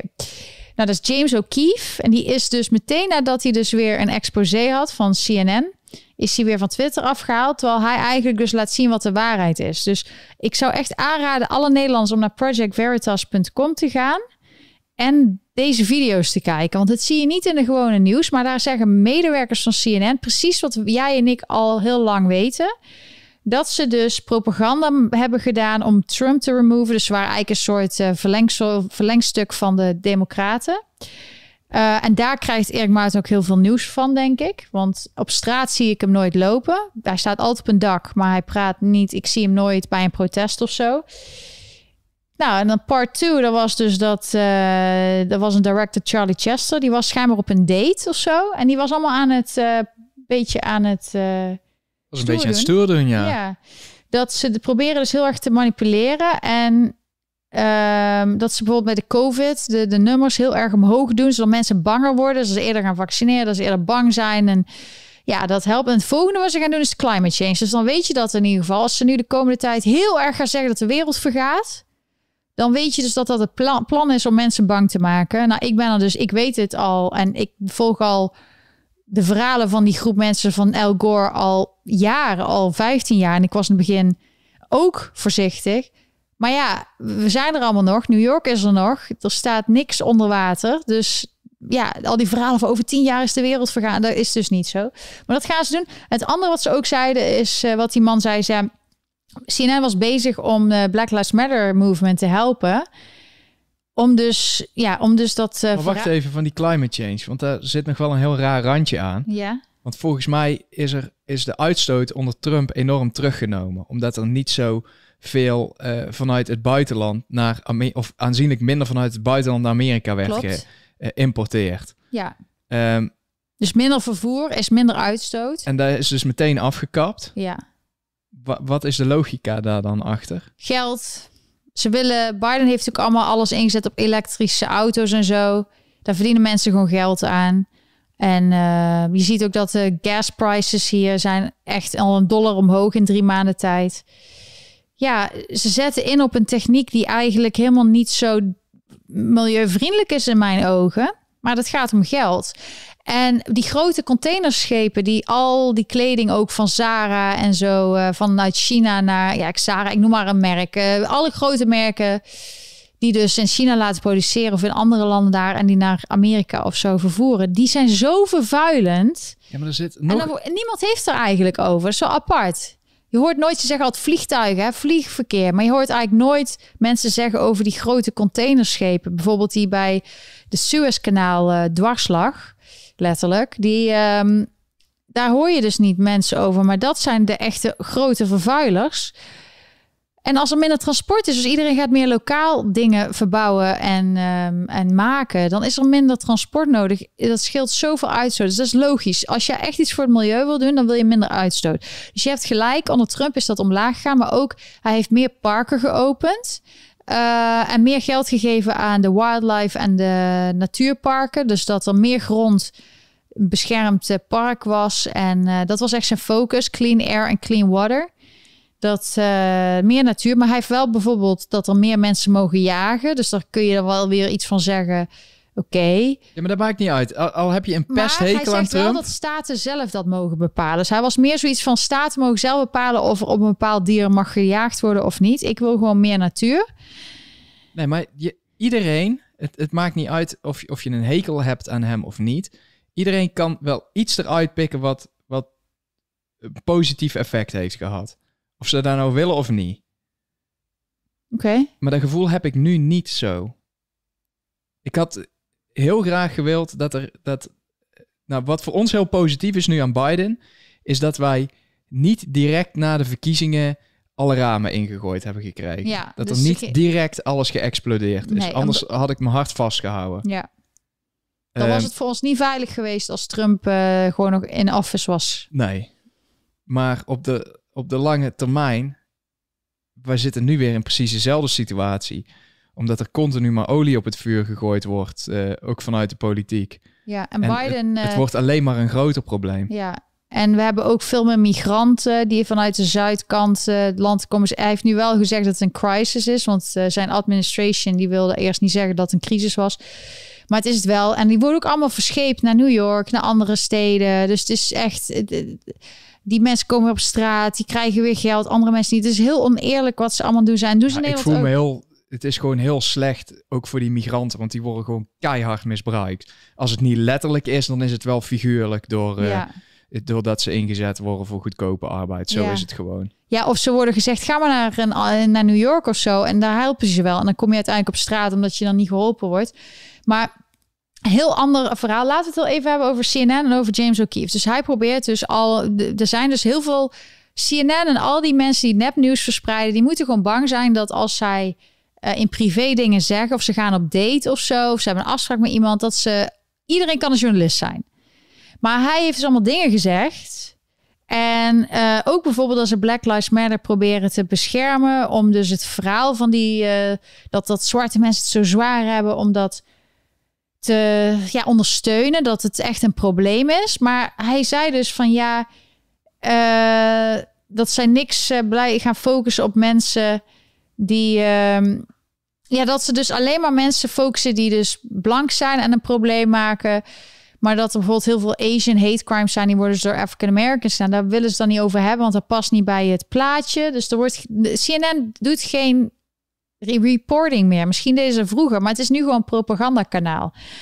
En eh, maar James O'Keefe die bracht het naar buiten. Iedereen deelde het meteen. En hij werd door Twitter geblokt. En dan onder het mom van je bent nu voor altijd van eh, Twitter af, want je hebt nep-accounts gebruikt. Nou, hij zegt hij gaat meteen een rechtszaak tegen ze beginnen. Dus de donkere mensen die moeten boos zijn op de witte mensen. De eh, Aziatische mensen die moeten boos zijn op de donkere mensen.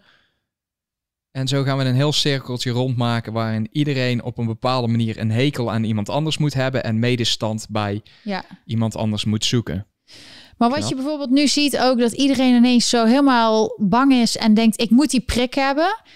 Dat, want dat is het juiste om te doen. Zag je vorig jaar dat iedereen een zwart vakje op zijn social media zette van Black Lives Matter. Want Dat hebben we onderling nog. Want van wel, bij welke groep je ook behoort. Tussen de groepen in is ook nog verdeeldheid. Ja. Tussen vaccineren, niet vaccineren, mondkapje, geen mondkapje. ja, Het is het, geweldig bedacht. ja, het is iedereen tegen elkaar opzetten. Daarom zeg ik, maak je niet te druk als iemand een mondkapje wil. Laat lekker doen, lekker vaccineren. Moet je lekker zelf weten. Als jij dat niet wil, is dat ook oké. Ze moeten jou ook met rust laten. Als je me hun met rust laat. En dat is dus wel een beetje wat republikeinen doen. Die zijn meer van, laat me maar rust. Ik wil gewoon mijn eigen goede leven leiden. En dat is ook de reden waarom heel veel groepen, ja, activisten heel succesvol zijn geworden. Want die gaan door met act, eh, hoe zeg je dat, actie voeren. En die hebben al die platforms opgezet. En die zijn niet zo van conservatief van ik zorg gewoon voor een goede baan en voor mijn gezin. That's it. Daar ben ik tevreden mee. Nee, die willen meer en groter en die ontwikkelen dingen. Dus nu zie je wel in Amerika dat heel veel conservatieve groepen en mensen die zijn heel creatief bezig. Dus er is heel veel ontwikkeling. Dus ik zeg het is niet alleen negatief, het is ook positief dat heel veel mensen die nooit anders zoiets opgezet hadden of een nieuw platform of zo, die zijn nu allemaal met dat soort dingen bezig. Dat is wel weer een toegevoegde waarde dat er niet maar één één stem is. Alleen het probleem is wel Twitter is op dit moment nog het grootste. Ja, maar daar zei En- gisteren iemand iets heel slim over. Wat? Wat nou als ze jouw internet afpakken? Ja, dat, Wij- wij dat zien is dat als vanzelfsprekend. Ja, maar als jij- de toekomst. Ja, als, jij, als, jij, als, als ze daar afsluiten, eh, maar dan zie je ook, dan kun je zeggen, wat als ze jouw internet afpakken? Maar wat als, je, als ze jou geen toegang geven tot bepaalde services, net als met Parler is gebeurd? Ja. ja, dat is de volgende strijd. En eh, dan moeten we gewoon weer iets anders vinden. Maar bijvoorbeeld Gab heeft dat slim gedaan. Die had zijn eigen servers. Dat is de enige manier. Ja, maar zie je hoe moeilijk het is om Ja, het daar is tegen op te boksen? moeilijk. Het is nu moeilijk, maar je moet door. Je moet niet opgeven. Je, als je nu... Maar dat is wel goed voor de beeldvorming van de mensen. De- de- Iedereen, dan, iedereen gaat daar ook zeggen, ja, maar als jij niet van Amazon Web Services gebruik mag maken of zoiets, dan eh, kun je altijd nog je eigen server neerzetten. Maar dat is niet makkelijk. Nee, want je ziet ook dat, hun, dat, dat er inderdaad behoefte aan is, maar hun worden overspoeld, waardoor hun eh, eigenlijk zichzelf met hun eigen succes en dus behoefte van mensen om daar naartoe te gaan, dat ze zichzelf lam leggen. Ja. Dus dan zitten we weer vast. Maar daarom is het zo belangrijk dat iedereen op dit moment... Je ziet dat het wel werkt. Ehm, je geld uitgeven bij lokale ondernemers en creatief zijn. Maar zorg dat je de mensen die ze eigenlijk kapot willen maken, dat je die juist helpt. Dus we moeten bij elkaar komen en niet elkaar tegen elkaar opzetten. We moeten ook niet met elkaar discussie aangaan. Wel, mond- niet mondkapje. Mijn mening is dat een mondkapje in bepaalde situaties werkt. Want daarom hebben bijvoorbeeld dokters het ook. Of de tandarts heeft zo'n mondkapje om. Alleen Dat is niet in je gezicht spugen. ja, bijvoorbeeld. Maar het is niet zo. En je hebt bepaalde soort mondkapjes die zorgen dat heel veel zuivere lucht binnenkomt. Maar die is weer zwaarder om voor te ademen. Dus je hebt voor alles heb je iets. Alleen de manier nu dat het gewoon deel uitmaakt van je leven. En dat het altijd moet. Dat in Spanje je zelfs als je op het strand gaat zwemmen, dat je dan er een om moet. Dat is natuurlijk helemaal gek en helemaal slaat nergens op. Maar ehm, ja, de overheid die, die, die overreach nu, zeg, dat is gewoon, ze proberen te ver te gaan. Het fijne nog van Amerika is dat je verschillende staten hebt. Die staten hebben heel veel macht. Het is dus niet zo dat alleen Biden de macht heeft. Heel veel staten hebben eigen regels en wetten. Je gaat van de ene staat naar de andere staat, hebben ze hele andere wetten van verkeersregels tot aan hebben ze wel of niet doodstraf. Dus daaraan kun je ook zien hoe een andere aanpak, hoe dat werkt. En daardoor is, als, als Florida en Texas er bijvoorbeeld niet waren geweest, hadden we niet geweten dat we voor de gek ge- gehouden werden. Ja, maar dat is ook al niet meer normaal. Want eh, zegt hier iemand parallele samenleving. Maar dat is eigenlijk wat jij nou beschrijft. Want hier heb je nog staten waarin mensen eh, het op een andere manier bekijken. Maar wij zitten ook te kijken van... hey, moeten wij misschien naar eh, Florida of naar Texas verhuizen? Ja, Dus je krijgt dadelijk inderdaad een parallele samenleving. Ik had het daar een jaar geleden al met een vriend van mij over, die heel bezorgd was over wat er ging gebeuren. Eh, en die, die was daar heel extreem in. En af en toe dacht ik ook van, nou, maar dat zullen ze toch niet doen. Maar daar gaan we gewoon letterlijk heen. ja. Maar of je kan de overheid nog stoppen. Mensen dus je hebt dadelijk vaccinatiefeestjes en niet vaccinatiefeestjes. Vaccinatiewinkels, dat moet. niet Dat moeten mensen doen. Want als je alleen maar accepteert dat jij thuis zit en de rest... eh, je moet er meteen al duidelijk maken dat als zij verwachten dat bepaalde groepen getest willen worden om ergens te komen, moet net zoals Toverland die wil dat niet. Dan Maar dan de mensen faalt de overheid de toch overheid direct. faalt. Faalt, faalt. Ja, maar hallo, Rutte en de jongen zijn de mensen die Nederland leiden. Dat zegt wel genoeg. En al jarenlang. Het is echt heel erg. En ja, ook omdat de koning er niks van zegt of niks doet, heb ik ook zoiets van. En die gaat gewoon erin Ja, mee. maar die, die, daar moet je eigenlijk. Ik snap niet wat, wat die nog doet. Waarom die er de hele tijd. Waar, waarom mensen daar nog over praten. Anders dan het feit dat je je af moet vragen waarom hun zoveel geld krijgen. Is er geen reden, zou er geen reden moeten zijn om hem nog ergens in te betrekken? Ja, maar hij wordt wel betrokken, want hij heeft bijvoorbeeld die Dat, wet. dat slaat ook nergens op. Dat Mark Rutte hem meteen belt en dat hij nog iets mag ondertekenen. Doe eens normaal. Dit Ja. is een vent die, die vanuit zijn geboorte bepaalde rechten verwerft. Ja. Er zit niks democratisch, niks eerlijks, niks normaals aan. ja, en dan ook dat je, wij, wij kregen hier ineens van de Belastingdienst in naam der koning een dwangbevel. Terwijl de Belastingdienst mij niks heeft gestuurd. En toen ineens kreeg ik een dwangbevel. Helemaal ziek dat ze gewoon niet fatsoenlijk hun werk doen. En dan krijg je dus van onze koning krijg je een dwangbevel. Nou, het sloeg nergens op. Maar in ieder geval, dat is allemaal om angst. Dus het wordt gebruikt om angst en ja, mensen in te boezemen en zo. Anyway, maar ik vond het gewoon wel heel erg verkeerd toen met Rutte, met eh, toen viruswaarheid de rechtszaak had. En dat ineens hoger beroep die middag geregeld kon worden. En dat de koning meteen een wet had ondertekend de dag daarna. Dat, ja, ja, dus die doet er ook allemaal aan mee. Anyway, eh, ik wil gewoon normaal Nederland. En eh, voor mij, als ik een Nederlandse vlag had, zou ik ook op zijn kop ophangen. Want het is gewoon, Nederland is, of het naar de Belastingdienst is, of sociaal dingen, of gewoon de mensenrechten, het is helemaal kapot. En de mensen moeten het zelf beseffen en weer op gaan bouwen. Uh, op de manier hoe jullie het willen. Want ze willen het weer opbouwen. Build back better, zeggen ze altijd.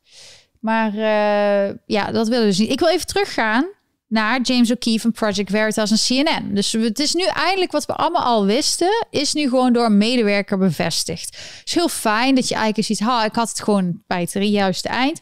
James O'Keefe gaat zo weer een rechtszaak aan. Hij heeft heel veel al gewonnen. Hij is, doet iedereen die iets over hem zegt dat niet waar is, die gaat hij voor de rechter krijgen. En hij heeft al heel veel dingen op zijn muur hangen op de wall of shame. En uh, ja, het, gewoon dat Twitter gewoon zo powerful is. En je kan zeggen het is privébedrijf, maar ja, ze, hebben zoveel macht dat ze bepaalde dingen, informatie bij mensen weggaan, dat ze bepalen dat bepaalde dingen mensen wel erop mogen, anderen niet. Belachelijk. Maar ze zeggen dus dat ze Black Lives Matter hebben gevoed en geholpen met dat verhaal van oh, African Americans hebben het heel zwaar. Nogmaals, je zou denken als je in Nederland bent dat iedereen achter Black Lives Matter staat. Maar het is gewoon een bedrijf, het is een, of organisatie die veel geld verdient. En uh, er zijn heel veel African Americans, zoals ik al zei, die er absoluut niet tegen meegaan. En die staan er absoluut, die zijn daar tegen. En die worden ook vaak uitgescholden voor verschrikkelijke dingen. Zo van ja, je bent van de verkeerde kant van de geschiedenis en al die dingen. Maar die hebben gewoon een eigen mening, die staan er niet achter. Die, die kijken meer vanuit, ja, uh, iedereen heeft kansen. En als je ziet de mensen die succesvol zijn, je hebt Obama, je hebt Oprah, je hebt allemaal succesvolle mensen in, uh, in Amerika die African American zijn. Zelfs als ze heel zwaar hebben gehad, dan kunnen ze. En daar bijvoorbeeld, ik zeg altijd: Ben Carson is voor mij het grootste voorbeeld.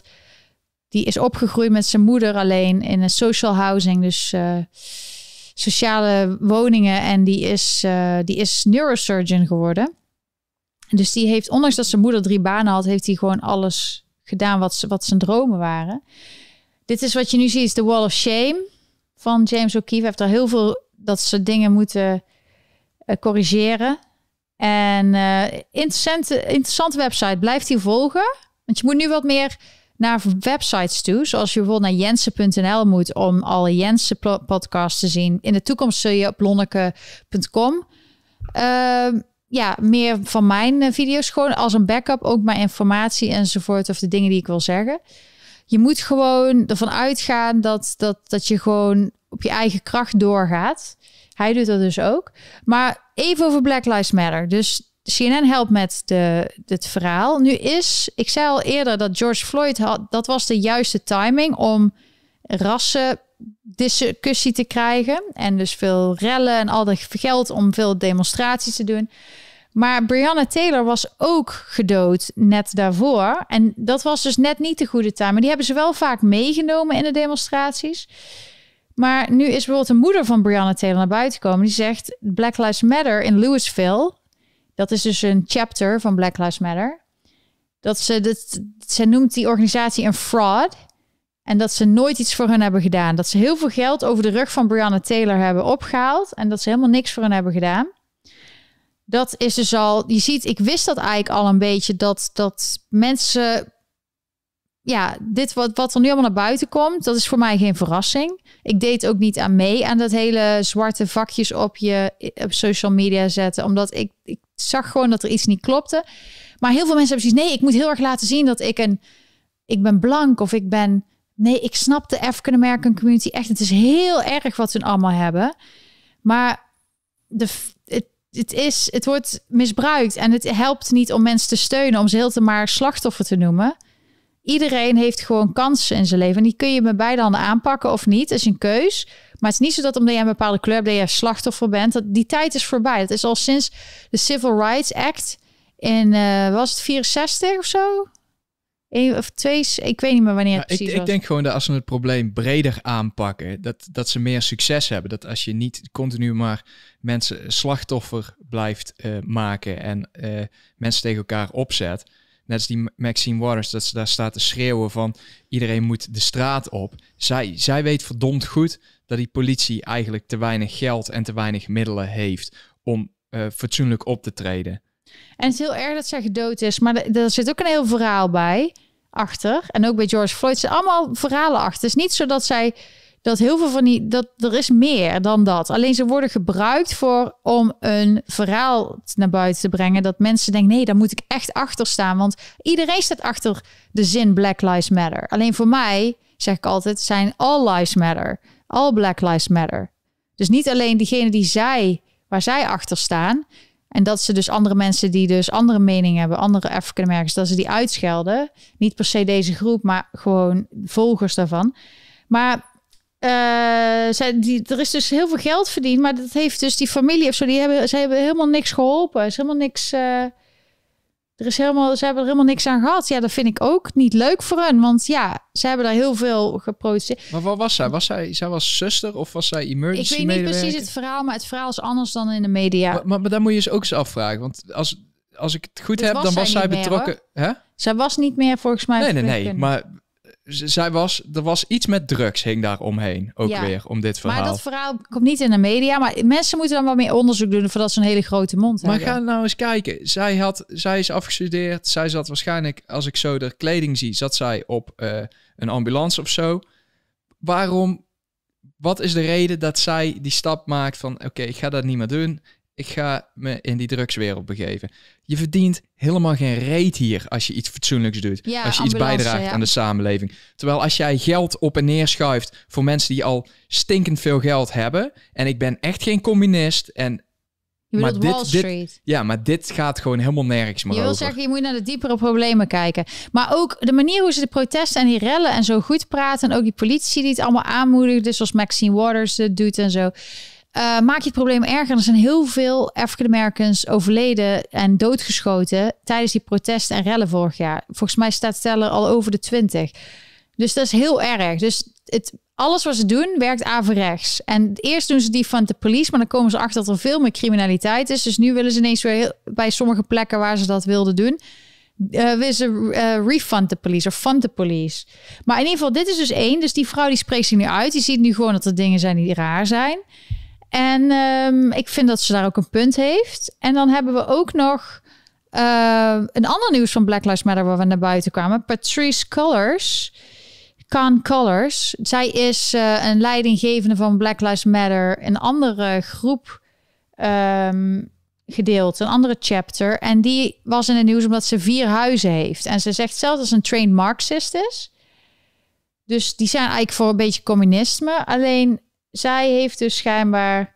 Ehm, maar ze heeft het wel begrepen, want zij ziet echt hoe Marxisme is. De mensen die, die dat prediken, die wonen mooi in mooie huizen en die mogen het geld verdelen en de rest die zit in de shit. Daarom lacht ze zo. Ja, maar zij heeft dus vier huizen. En mensen vinden het dan raar, want ze wil allemaal dat de black communities geholpen worden. Die hebben het zwaar. Maar dan gaat ze dus in een, wat mensen zeggen, witte buurt wonen. Met een heel duur huis. En ik heb zoiets van, ja, goed dat jij succes hebt. Uh, maar ja, de manier waarop is misschien niet mijn manier. Maar Nee, maar als je dan pretendeert, als je dan ja. marxisme en communisme predikt, dan geef zelf het goede voorbeeld en dan laat dat geld naar de arme mensen stromen die het nodig hebben. Misschien kun je nog een doorscrollen of misschien is er nog een andere video of foto van de huizen. Dan heb je een beetje een idee van uh, hoe de huizen zijn. Maar in ieder geval, zij is dus heel erg voor uh, opkomen van uh, de, voor de Black Lives. Maar ze gaat niet het geld stoppen in eigen buurten. Om die beter te maken. Dat doet Obama ook niet. Die heeft ook grote mond van het is zo zwaar. Maar die gaat Chicago niet helpen. En er zijn nog steeds heel veel shooters. Maar die koopt ook een huis in een, in een witte buurt. Wat ze zeggen. Blanke buurt. En ja, dus dan vinden ze het eigenlijk wel fijn dat die Ja, dus de mensen hebben zoiets van een beetje raar. En niet alleen ik en andere mensen, maar ook de New York chapter van Black Lives Matter. Die wil een investigation. Die wil onderzoeken hoe dit kan. En zij heeft uh, natuurlijk een verdediging van ja, ik heb mijn geld niet verdiend met Black Lives Matter, maar met andere dingen. En dit is echt racisme dat je dit mij hierop aanspreekt. Dus alles is racisme. Zoals, maar zoals ik het zie, denk ik dat het type huis, een deel van die huizen is gewoon bedoeld voor de verhuur. Ja, maar ze zijn zelf, dat is kapitalisme. En daar zijn ze zelf tegen, toch? Of geeft zij dat allemaal gratis aan mensen die het heel zwaar hebben? Want dan is het natuurlijk heel goed. Maar dat weet ik niet, de detail. Het is gewoon dat mensen iets hebben van... hé, hey, jij bent een miljonair, je hebt, je hebt veel geld. Ja, maar als Eh, jij zelf, eh, als jij, je hebt vier huizen, dan, eh, en het is niet zo dat die strategisch op plekken zitten waar zij zich vaak begeeft, dan, dan kun je toch op je vingers natellen dat die voor de verhuur bedoeld zijn. Maar wat wel raar is natuurlijk, is dat zij het dus heel goed doet voor Black Lives Matter. En dat die moeder van Breonna Taylor gewoon niks heeft gezien. Daar zit dus al iets raars. Snap je? Ja, die hadden ook al 12 miljoen gekregen hè, van de stad. Breonna Taylor, ja? Ja, volgens mij wel. Maar zij zegt dat Black Lives Matter niks voor hen heeft gedaan. Nee, in, ook niet in ideologische zin. Die hebben gewoon over de rug van de dood van haar dochter zoveel mogelijk eh, medestand proberen te creëren en zoveel mogelijk geld naar binnen te eh, pompen. Donaties van echt de, alle, alle megasterren in, in Amerika hebben wel geld aan hun gedoneerd. Terwijl eh, ze op dat moment voornamelijk criminelen aan het vrijpleiten waren. Dus ik, ik heb ook niet het idee dat het toen echt dat er echt ergens aan bijgedragen heeft, ook niet aan hun gedachtegoed. Eh, daardoor is het alleen maar erger geworden. Ja. Eh, maar zij wil daar ook geen inzage in geven, want ze wil eh, ze- het geld waarmee zij die huizen heeft gekocht, is niet direct afkomstig van Black Lives Matter. Maar blijkbaar heeft Black Lives Matter weer heel veel subsidiaries die ook eh, als eh, charity aangemerkt staan. En ze zegt daarbij wel expliciet: ik vind wel dat iemand die eh, bij een charity werkt een, salaris moet krijgen. Maar ze zegt niet wat zij dan krijgt, waar dat vandaan komt. Eh, dus dat is een beetje, een beetje dubbel. Maar eh, iemand zegt ook van, ja, ze hebben geen kansen in Amerika. Zeg dan maar tegen alle grote sporthelden zoals Tiger Woods en LeBron James, basketballer. En, Kijk, eh, kijk maar eens naar de top. eh, ja, de kun je die eens even 100. naar boven halen? Ik zal eens Kijk, even kijken. Ja, zoek maar eens op. Maar in ieder geval, ik vind het helemaal niet erg. Hè? Want ik ben eigenlijk meer van kapitalisme, lokaal kapitalisme. Dat je dus je eigen, dat je, je, ja, je kan, als je heel hard werkt, kun je heel veel geld verdienen. Dat is mijn mentaliteit. En als je dan, zoals in Amerika eigenlijk is, als je veel geld hebt, zijn er ook veel charities, zodat je zelf kan bepalen waar het geld naartoe gaat. Dus, la, dus ehm, in bepaalde gebieden kun je dus naartoe in Amerika. Niet New York. New York is het duurste qua belastingen. Ze- in, in Los Angeles heeft er drie in Los Angeles en één op de Bahama's. Die in LA, als ze er één van heeft, dan is het misschien voor een woning. Nou, Georgia zou je nog kunnen zeggen, oké, daar is een bolwerk van, van eh, Black Lives Black Matter. Lives Matter. Zou ook nog kunnen dat je daar een woning eh, moet hebben. Nou, de Bahama's is gewoon pure luxe. Dus dan, dan hebben we er drie verantwoord, waarvan er twee in principe niet bij haar gedachtegoed horen van marxisme, communisme. En die andere Ja, twee is gewoon wel, keihard voor de verhuur. Ja, of juist wel. Want waarschijnlijk woont ze zelf daar in, in Topanga en eh, misschien af en toe in Georgia. Maar ze zeggen ja, maar dat je doet doxen, want je zegt daarbij waar ze woont. Maar ehm, het is wel natuurlijk als iemand iets verkondigt en echt mensen de straat op krijgt en dat er heel geld wordt gedoneerd voor dat wat ze zegt. En dan mag je toch gewoon wel vragen stellen als je ziet dat de leefstijl anders is dan wat je preacht. En dat zie je ook bijvoorbeeld Obama en zo. Die heeft heel veel geld verdiend. En die zegt allemaal, we moeten allemaal de African American community helpen en zo. Maar dat doet hij er zelf niet. Hij doet niks voor zijn eigen oude stad Chicago. Maar koopt wel een huis in de meest witte eiland, Martha's Vineyard. En dan moet een heel mooi huis. Moet zelf weten, maar ook nog zoiets aan het water. Dus als je echt gelooft in climate change, dan ga je niet zo aan het strand wonen.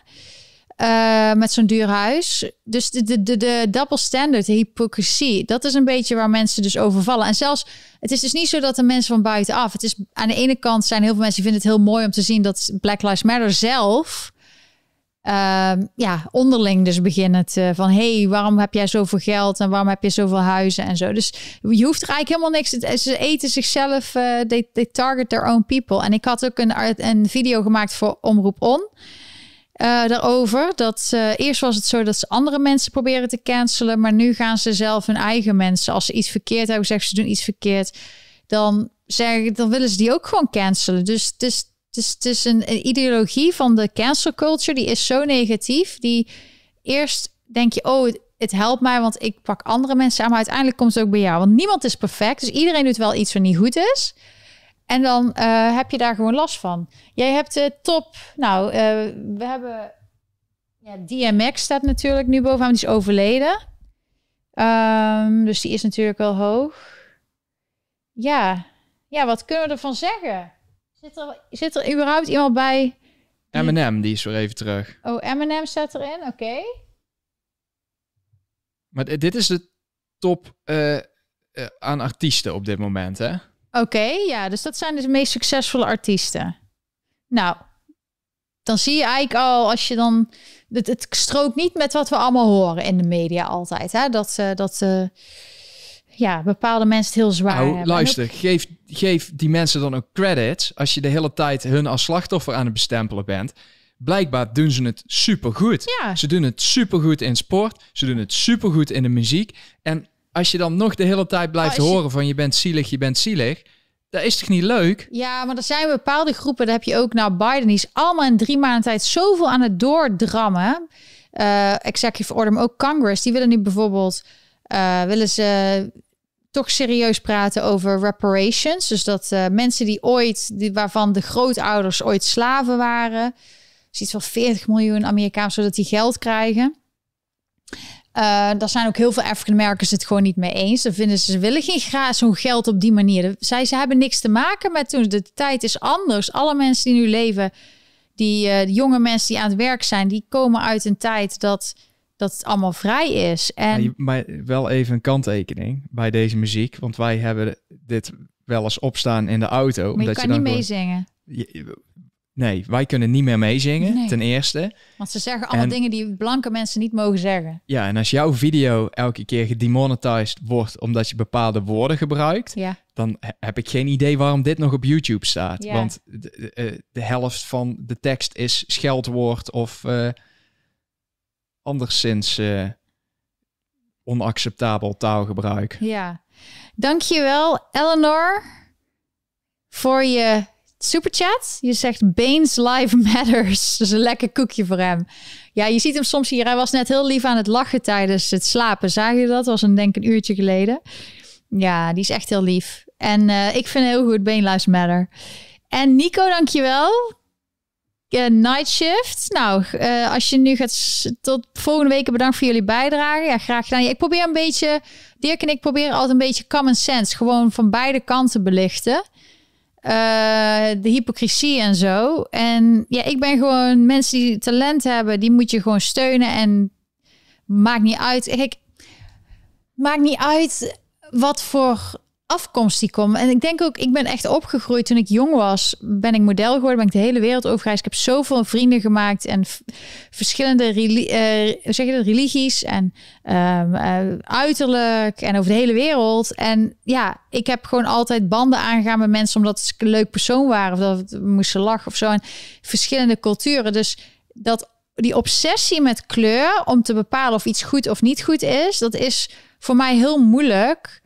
Maar ik probeer er wel, probeer in zo'n gedachtegang van bijvoorbeeld zo'n Erik Mouthaan of zo, dat soort mensen probeer ik wel in mee te gaan. En ook met Black Lives Matter. Maar als het averechts werkt en er zijn heel veel mensen die, die er niet achter staan en wij spreken die mensen, ook hier upstate. Je ziet geen vlaggen van Biden, je ziet enkele van Black Lives Matter. Dat zeg ik eerlijk.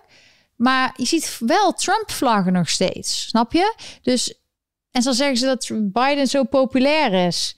Ja, nou, ik weet niet hoe dat kan hoor. Ik zie het hier niet. Er zijn inderdaad wel gebuurten waar ze wel wat Biden support hebben. Maar ja, er zijn ook heel veel democraten en helemaal die voelen zich heel erg in de steek. Die denken van, want ik heb niet gestemd dat mijn benzineprijzen zo eh, omhoog gaan. Ik heb niet gestemd op dat de border zo open is. Ik heb niet gestemd op dat de Supreme Court, dat er meer justices bij komen. Nu is het heel erg ja, meerderheid conservative, hè? De, de Supreme Court. Dat heeft Trump voor gezorgd. Want als er een, een plek vrijkomt, dan mag eh, de president die er dan is, mag het vullen. Maar nu is het dus vooral conservatief. En dan vinden ze dat niet leuk. Dus dan gaan ze willen ze er 13 justices van maken. En zelfs Ruth Bader Ginsburg, die dus overleden is vorig jaar, die is er tegen. En eh, de justices zelf, die vinden het geen goed plan. Dat het dan heel erg lijkt dat het eh, democraten zijn. Maar de democraten willen alles nu doordrammen. Omdat ze nu even de meerderheid hebben. Ik vind, ik vind sport best wel een. eh, dat is best een gevarieerde groep mensen. Ja? Ja, in principe, ja, de, de, de bepaalde groep heeft nog wel de boventoon, zeg maar. Ja. Nee, het valt wel mee trouwens als ik zo doorscroll. dat, maar daar zie je wel dat je gewoon eh, beoordeeld wordt op hoe goed je bent. En je Ja. ziet ook dat eh, ze, kan- ze kunnen van alles zeggen over huidskleur en weet ik het allemaal. Maar er zitten ook gewoon voordelen aan. Fysiologisch gezien. ja, ja, wij liepen van de week langs eh, een man op straat en die zei, die had een telefoon, die zei, die zei, die zei, die zei tegen iemand aan de telefoon, ja, but that's black privilege. Dus eh, we zijn zelf wel, sommige mensen zijn er wel van bewust. Ze hebben onderling gewoon Ja. zelfs voor die discussie. Ja. Het is gewoon eh, alleen maar verdeel en heers, verdeel en heers. En ik hoop ook niet dat wij daar op deze manier aan bijdragen. Ik vind dat altijd een beetje moeilijk eh, ho- hoe je daarover moet praten, zeg maar. Ja, maar sommige mensen zijn beter in sport en andere mensen zijn beter in iets anders. En dat is, moet eigenlijk gewoon op talent gebaseerd zijn, niet op uiterlijk. Of, en het is bij alles. Maar als jij gaat dwingen dat er bepaalde zoveel diversiteit is in een bepaalde groep. Hetzelfde als dat bepaalde dingen doen vrouwen meer. En vinden vrouwen een leukere beroep. En andere beroepen vinden mannen is beter een beroep voor mannen. Ja, dan moet je toch gewoon lekker zo laten. En maar waarom moet er dan zo geforceerd? Nee, daar moeten ook zoveel vrouwen bij. En dan gaat het vaak over de topberoepen, maar niet de zware putjeschepper, eh, v- eh, v- eh, zeg je dat, Eh, vrachtwagenchauffeur, ehm ehm, vuilnisophaler, dat niet. Maar alleen de topfuncties, daar moeten heel veel vrouwen bij. Dus het is heel selectief. Het is allemaal, alles in de wereld is heel selectief met een verhaal in de media. En in het, de realiteit, hoe de meeste mensen denken, is gewoon meer common sense, gewoon gezond verstand, eh, gewoon normaal nadenken. Ehm, en ehm, even kijken hoor. Wat hebben we nog meer? Ja, we hadden dus. eh, dus dat is een beetje wat er in Amerika is op dit moment. Dat er dus eh, onderling veel discussies zijn. Mensen hopen wel dat hier alles open gaat met vaccinaties. Je hebt hier ook sommige staten die willen paspoorten. Maar andere staten zoals Florida die zeggen al meteen en Montana en zo die willen of Montana niet eh, weet ik niet precies. Maar in ieder geval een aantal staten zeggen meteen geen paspoort hier. Dat is verbannen. We mag niet hier. Verboden. Je hebt eh, ook staten, doordat alles wat er is gebeurd met Biden, zie je dus dat er meer onderzoek wordt gedaan naar de verkiezingen toch nog. Bijvoorbeeld in Maricopa County in Arizona gaan ze nu de 2 miljoen, 2,1 miljoen eh, ballots gaan ze bekijken. Dat willen ze niet, de Democraten, maar dat gaat toch dan gebeuren. En dat, dat is heel interessant om te zien. Is, komt er iets uit, iets anders als wat we hebben gehoord? Of is het wel eh, zo? Ja, Dwayne, ik zie Dwayne Jans, Johnson is op nummer 1 van Nou, de, de groep die het hardste roept, Ja, dat, ze, eh, dat alles inclusief moet zijn en eerlijk, ja? daar is, eh, die, die, die is het meest eenzijdig, zeg maar. oké. Behalve dan op nummer 1, dat is Dwayne Johnson. Je bedoelt acteurs. Oh, en Vin Diesel in de top. Dus, nou, dat vind ik toch de top 5 is wel bij mannen is toch wel divers genoeg, of niet? Nou, 6, die ook. En nou, ik vind het best wel divers zo. Nou, Nee, het gaat wel goed. Het ja, gaat wel goed. hij- Jo- Jo- ja, Joods. Nou, ik vind het juist heel divers. Nou, dus eigenlijk moeten ze niet zo malen. Nee. Maar ehm, je hebt bijvoorbeeld ook dat, dat de staten zijn nu heel... Mensen hier zijn... Je hoort het niet in Nederland, maar mensen zijn hier bezig met ehm, het... Ja, heft in eigen hand. Dus de staten die zijn van, oh, wat is gebeurd. Wat kunnen wij doen om dit te voorkomen? En die gaan dan de, de, de, de wetten verscherpen of eh, onderzoek doen. En je hebt ehm, bijvoorbeeld in Montana las ik dat ze de Second Amendment Sanctuary City, dus je had bijvoorbeeld of eh, state, je had altijd New York en San Francisco dan voor de illegals een sanctuary state. Toen dacht zij, nou dan gaan wij voor Second Amendment, dat is dus eh, gun rights, dat je dus een eh, eh, het recht hebt om jezelf te verdedigen, dat eh, is daar dus beschermd. Zo zijn alle staten eigenlijk laten zien aan de grote baas van wij zijn het er niet mee eens. En je ziet ook dat, ehm, dat er veel mensen zich beschikbaar stellen om ja, de, aan de, bijvoorbeeld voor governor of voor ja, in de Senaat of in, in de House of Representatives te gaan. In 2022 is er weer een grote verkiezing. Worden er weer heel veel nieuwe senatoren gestemd. Je hebt in New York heb je binnenkort een nieuwe mayorverkiezing. Ze laat Dirk al zien. Wie, Uh, wie denk je dat er echt kans heeft? ik heb nog niet goed genoeg gelezen, maar ik ga er volgende week wel anders keer. Want in juni beginnen de primaries, de early primaries of zo. En ehm, voor de Democraten en Republikeinen kiezen dan voor zichzelf wie de, hun kandidaat wordt. Nou, de Democraten hebben heel veel kandidaten. Nou, laten we in ieder geval zorgen dat zij het niet wordt. Want Sanitation Commis- Commissioner under Biden. Eh, is de Blasio. Of ja, sorry. Het is één pot nat. Ja, Ehm, ja dat, dat was niet zo schoon, bedoel je zeggen hier. Nee, het is één grote smeerboel geworden. En eh, weet ik hoe, en eh, allemaal smerige praktijken ook met mensen aannemen. En dan samen met de Blasio, dat kan niet heel veel goed zijn. Nee.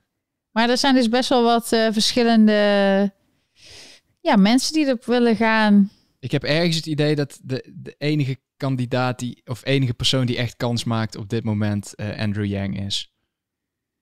Ja. ja, ik moet er even wat beter. eh, ja, dat is gewoon dat hij de bekendste persoon is. Ja, maar kijk eens naar, ze hadden zo'n onderzoek gedaan naar eh, als Dwayne Johnson voor president zou gaan, dat hij op dit moment van alle tweede kanten zeg maar ongeveer 50% van de stemmen zou krijgen. Het is, het is gewoon een populariteitswedstrijdje geworden. Ja, ja en eh, ja, in ieder geval wat er is gebeurd. Biden is nu in office en eh, Trump is eh, in Mar-a-Lago en alle andere mensen die proberen dus, er gaan nog de verkiezingen gaan gewoon nog door. Er zijn, er komen weer verkiezingen aan. Daarom willen de Democraten ook alles er nu doorheen jassen. Omdat ze waarschijnlijk in 2022, nu er dus meer de, de verkiezingen, ehm, dan zullen er geen mail-in ballots meer worden gebruikt. En zal, eh, je moet je altijd identificeren als je dat doet of als je gewoon gaat stemmen. Dus dan wordt het moeilijker om, ja, daar, eh, dan moet je echt gaan campagne voeren, wil je winnen. En dan kun je niet in de basement blijven. Dus, eh, maar in ieder geval, er zijn ook hele interessante figuren. Je hebt bijvoorbeeld ehm, die Georgia representative Vernon Jones. Die wil nu voor governor gaan van Georgia. Eh, African American conservative. In LA heb je dan, ehm af hadden we de vorige keer al gezegd eh, dat eh Caitlyn Jenner, transgender, en Ja, die ja, is ook ja. Republikein. Ja, hij gaat, wil dus voor, die wil dus ook. Hij was dus eerst Democratic, maar hij is nou dan Republican. Wil die de Republican camp wil die gaan aanpakken. Die wil die gaan proberen te verslaan en dan governor worden. Camp was dus degene die allemaal een beetje in Georgia met, met de verkiezingen vorig jaar, die, ja, die had dat eh, telefoongesprek met Trump, waarbij Trump zei van, hey, doe gewoon even de juiste, juiste. En eh, er waren allemaal rare dingen daar.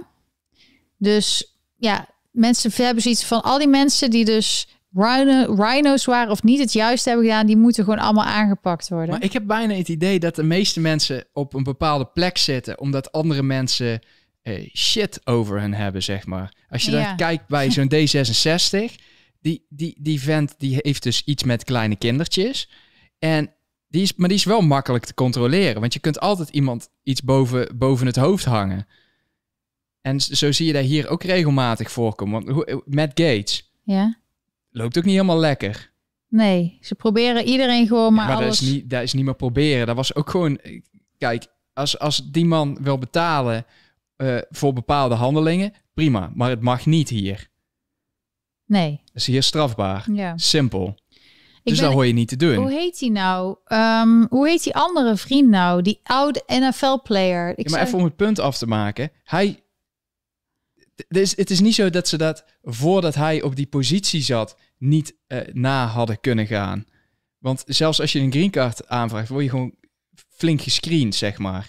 Maar eh, hij zit daar wel.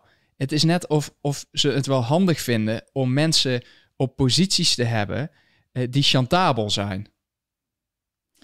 Ja, dat, is ook in, dus overal, dat hoe politiek werkt. Je- Het is ook in Nederland nu toch dat ze... Eerst komt er van eh, Rutte uit. En dat is eigenlijk een manier om Kaag heel sterk te maken. Dus dat Rutte heeft gelogen. Dat denk je nou echt dat dat allemaal... Ik geloof niet dat dat eh, toevallig was, dat die Ollongren dat deed. De manier hoe ze liep. Ja, ik geloof het zelf. Anyway, en nu is het toevallig iets van, de, van D66. Kom naar buiten om... ehm, om hoe heet die? Ehm, om om eh, Kaag dus eigenlijk een zwakkere positie te brengen. En ik ben aan het kijken, ik ben even zijn naam kwijt. Hoe heet hij nou? Oh ja, Herschel Walker. Herschel Walker, die wil ook, ben je laat je achterste zien. Herschel Walker, die wil ook ineens eh, running for office. Ik weet alleen niet meer welke staat. Dat is een grote vriend van eh, Trump. Dus er zijn zat uh, African Americans die gewoon niet achter de hele Black Lives Matter en die ook geen democraat zijn. En ja, die, die hebben gewoon andere, die zijn weer meer conservatief, gewoon van positief, toekomst. En Senator Herschel Walker, it could happen. Ja, dus, uh, maar voor welke staat gaat hij?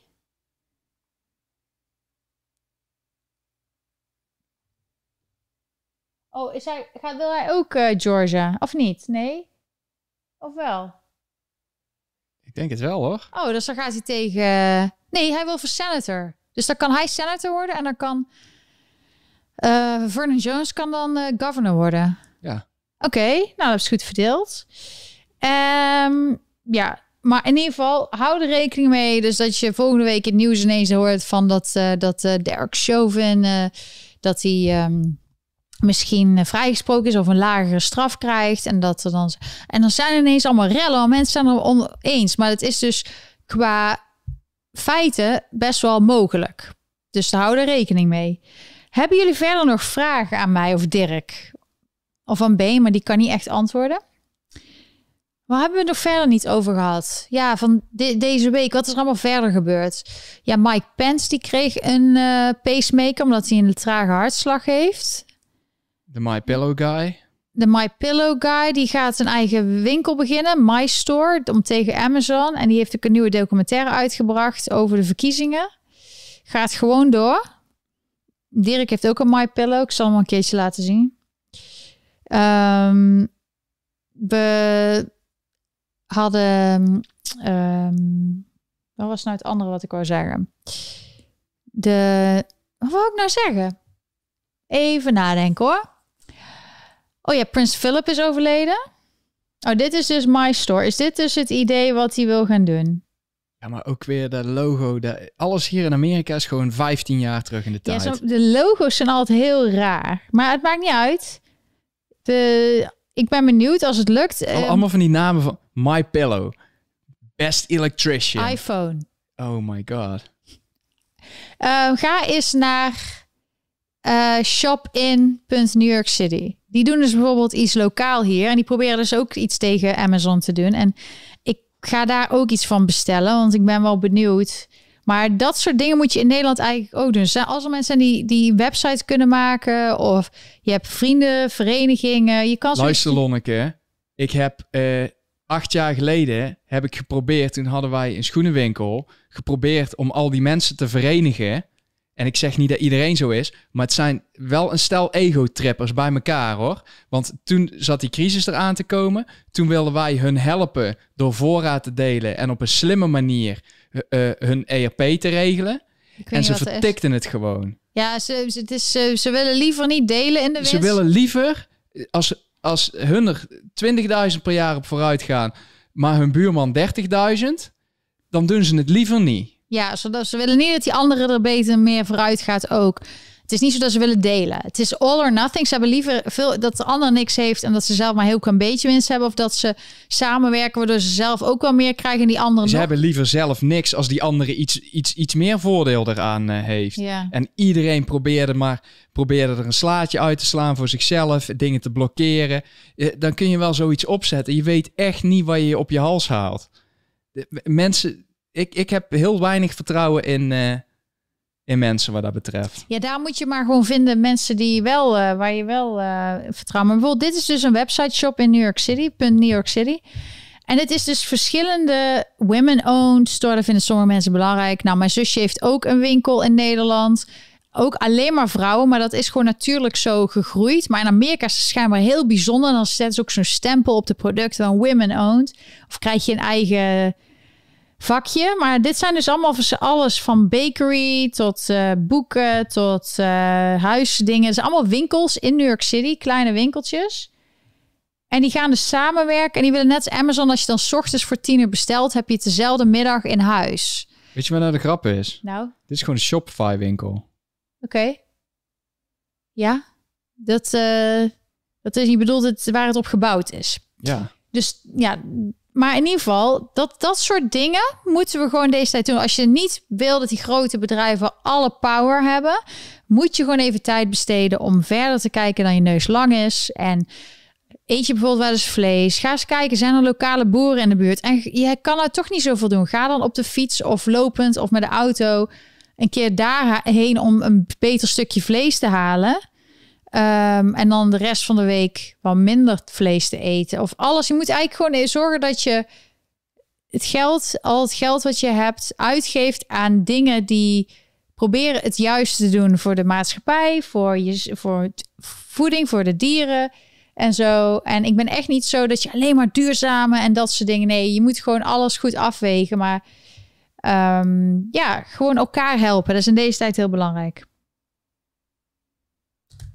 Het is dus geen platform, het is dus gewoon een beweging, een initiatief. Ja, het is een initiatief om dus elkaar te helpen. Dus er loopt waarschijnlijk iemand, je doet een bestelling en dan komt iemand met een winkelmandje en die gaat al die winkels, bij al die winkels die dingen ophalen. En dan doet hij het in een doos en dan komt hij het afgeven. Dus zo, zoiets zal het zijn. En dat nou, de enige mogelijkheid is dat elke winkel, als we heel even technisch kijken, elke winkel uh, uh, uh, als voorraadlocatie in Shopify staat waardoor zij een, uh, een, notificatie krijgen op het moment dat er iets besteld wordt. En dan moet dus inderdaad iemand achter zitten uh, die centraal de logistiek uh, regelt.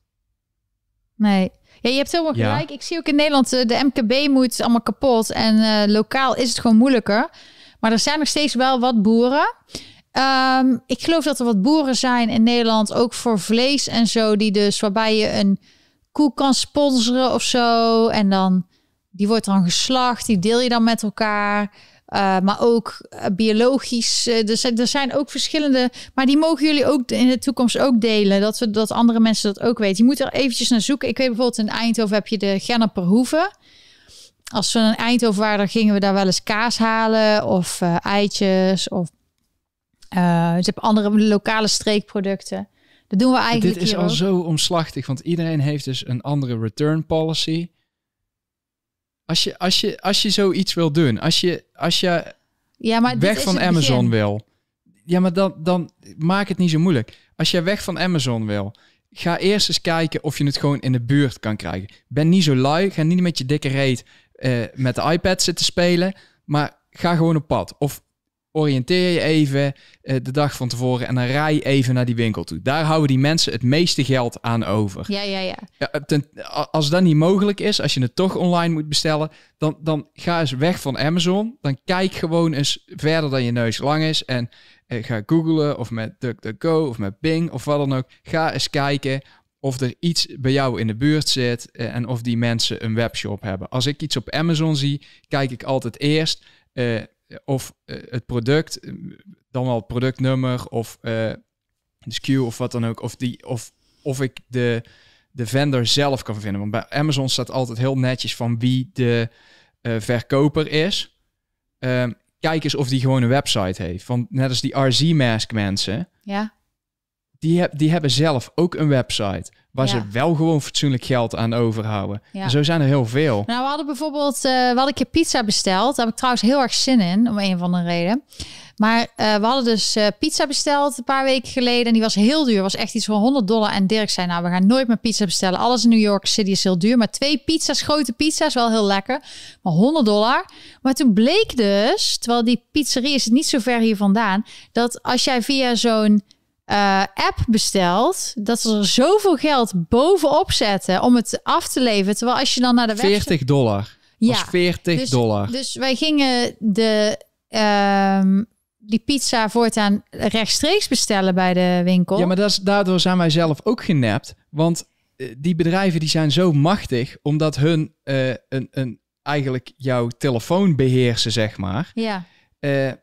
die, die, al, al die eh, restaurants afzonderlijk, die kunnen niet overal een app voor maken. Dus die mensen die zijn alleen maar uh, restaurants aan het verzamelen, die zijn alleen maar kortingen aan het geven, zodat je via die app uh, bestelt. En op een gegeven moment hebben ze dan zijn marktpositie behaald. Eh, en dan klappen ze de boel dicht. En dan wordt gewoon iedereen aan alle kanten genaaid. De persoon die bestelt wordt genaaid, want die betaalt 40 extra. Het restaurant wordt genaaid, want die moet een iPadje aanschaffen. Die moet een deel van zijn omzet afgeven. De bezorger die wordt genaaid. Het is echt walgelijk. Nou, New York is echt heel duur. Ik zie iedereen helemaal schrikken over de prijs van de pizza. Het was zo'n pizza. Dus het is echt een grote pizza. Ik eet er al echt wel twee... Luister, de twee- pizza was 40 dollar. Nee, het Ja, wel was ve- 30. 39 dollar voor één pizza. Maar daar zat er wel, bij jou zat er vlees op en zo.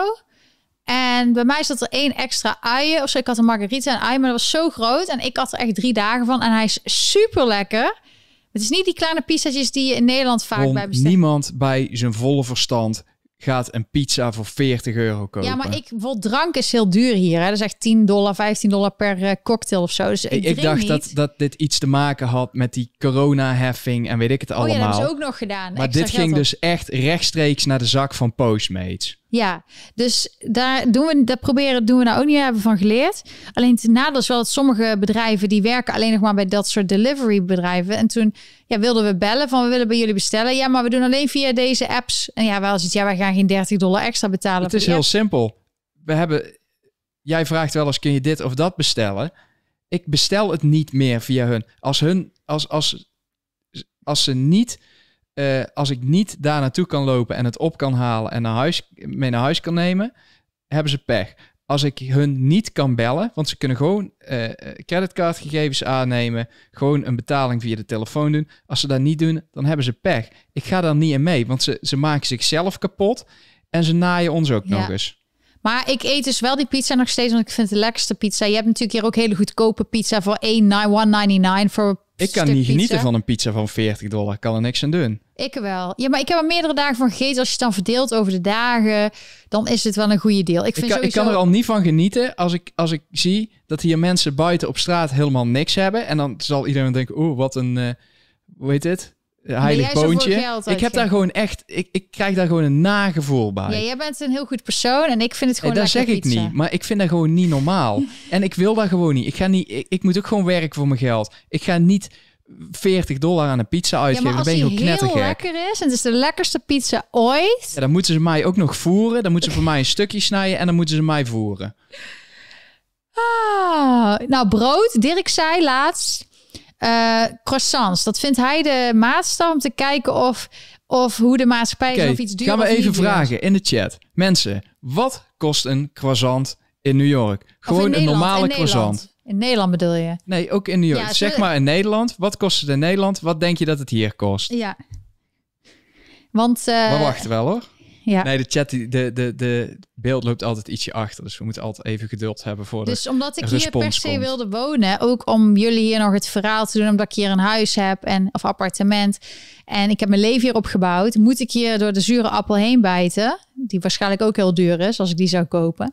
Maar eh, ja, het leven hier is gewoon heel duur en ik ben gewoon echt mijn pensioen is echt opgegaan aan gewoon het leven hier in Amerika en die en de Nederlandse belastingdienst die dom deed, dat is er ook nog bij. Nou, we hebben, er zijn een paar inzendingen binnen. Het gaat nou al heel ver, maar eh, tussen de 3,60 en de 4,20 tot zelfs 5 dollar voor een croissant is, is niet raar. Als je hier al naar gewoon een Le Pen gaat, dan is het al eh, 3,60. En in Nederland had ik, De dollar ons- staat nu, wat staat de dollar nu? 1,10 of zo? Of 1,20? ja, wat, zal, wat zal er zijn? Eh, 3,20, 3,40 ergens in die richting. Euro. Tot uitloop tot 4 euro. Ja. Voor een croissant, hè? Gewoon zo'n Eh, stukje. Een, een brood. Ja, Eh, een luchtig broodje waar je één keer 11 bijt en is je weg. Oh, ja, een broodje. Wa- Was ook al 8 of 12, 8 tot 12 Ja, het dollar. is Een- zelfs gewoon je- brood, gewoon een smerig fabrieksbrood. 11 dollar. Ja. Eieren, 11 dollar voor een dozijn. Ja, Hey, keukenrol. Dat is Ik- duur. ik- toiletpapier is duur.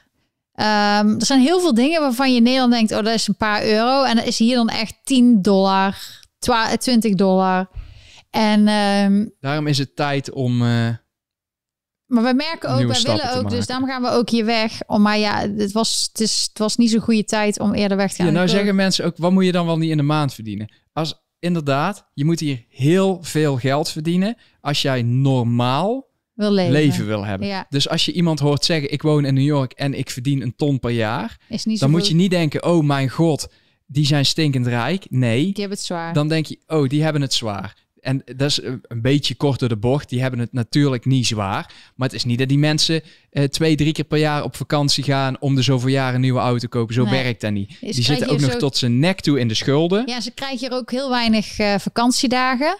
Een vriend van mij is ook vanuit New York weer naar Nederland verhuisd. Omdat het gewoon te zwaar was. Het te zwaar werk. Ook kinderen. Bijvoorbeeld, we hadden een hele, hele discussie in New York over al die scholen.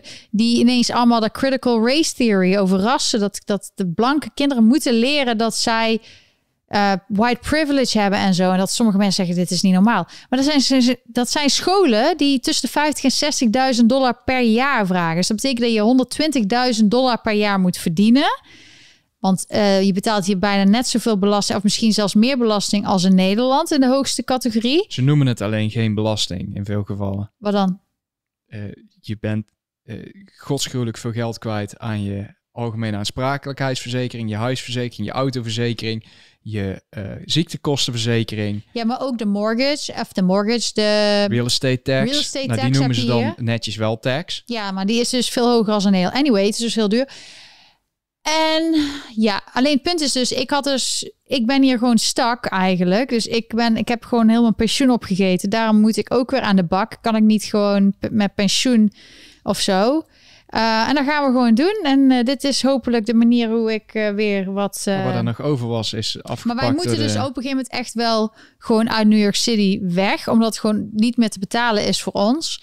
En ehm, ja, dus dat is gewoon, dat, dat is geen vrije keuze. Nee, het is, je zegt ook iemand eh, slachtoffer, maar het is, eh, het, het, het gaat gewoon allemaal. Maar eh, ik vind het niet te verantwoorden. Het is gewoon, alles is duur hier. Omdat iedereen wil hier ook wonen. En het is nu wel, de huurprijzen zijn iets omlaag gegaan. Omdat eh, iedereen was even weg. Maar de real estate prices zijn weer... Je wel- zegt iemand het wel goed. Het is eigenlijk gewoon een kutland. Ja, maar niet zo. Het is in ieder geval hier... Nee, nee, nee. Ik ben het daar eigenlijk deels wel mee eens. Want je rij, als je hier rondrijdt, dan denk je echt, mijn god, wa- of, of het echt een derde wereldland is. Als ik vroeger aan een derde wereldland dacht en ik rij hier af en toe eh upstate, dan heb ik wel echt zoiets van, nou, dit is wel een beetje waar, wat ik toen in mijn hoofd had. Maar de mensen hier zijn gewoon heel anders. De meeste mensen de hier... Americans, de en da- patriots. ik ben hier niet voor het land, absoluut niet. Nou, maar we waren gisteren, of eergisteren waren we in Connecticut in een, in een gebied en mooie huizen en echt betere taxes als in, in eh, New York krijg je meer waar voor je geld. Dus upstate New York, je kan hier echt ook wel huizen vinden. Ja, je kan hier in, in een paar kilometer kun je een huis van eh 99.000 dollar vinden tot een paar miljoen.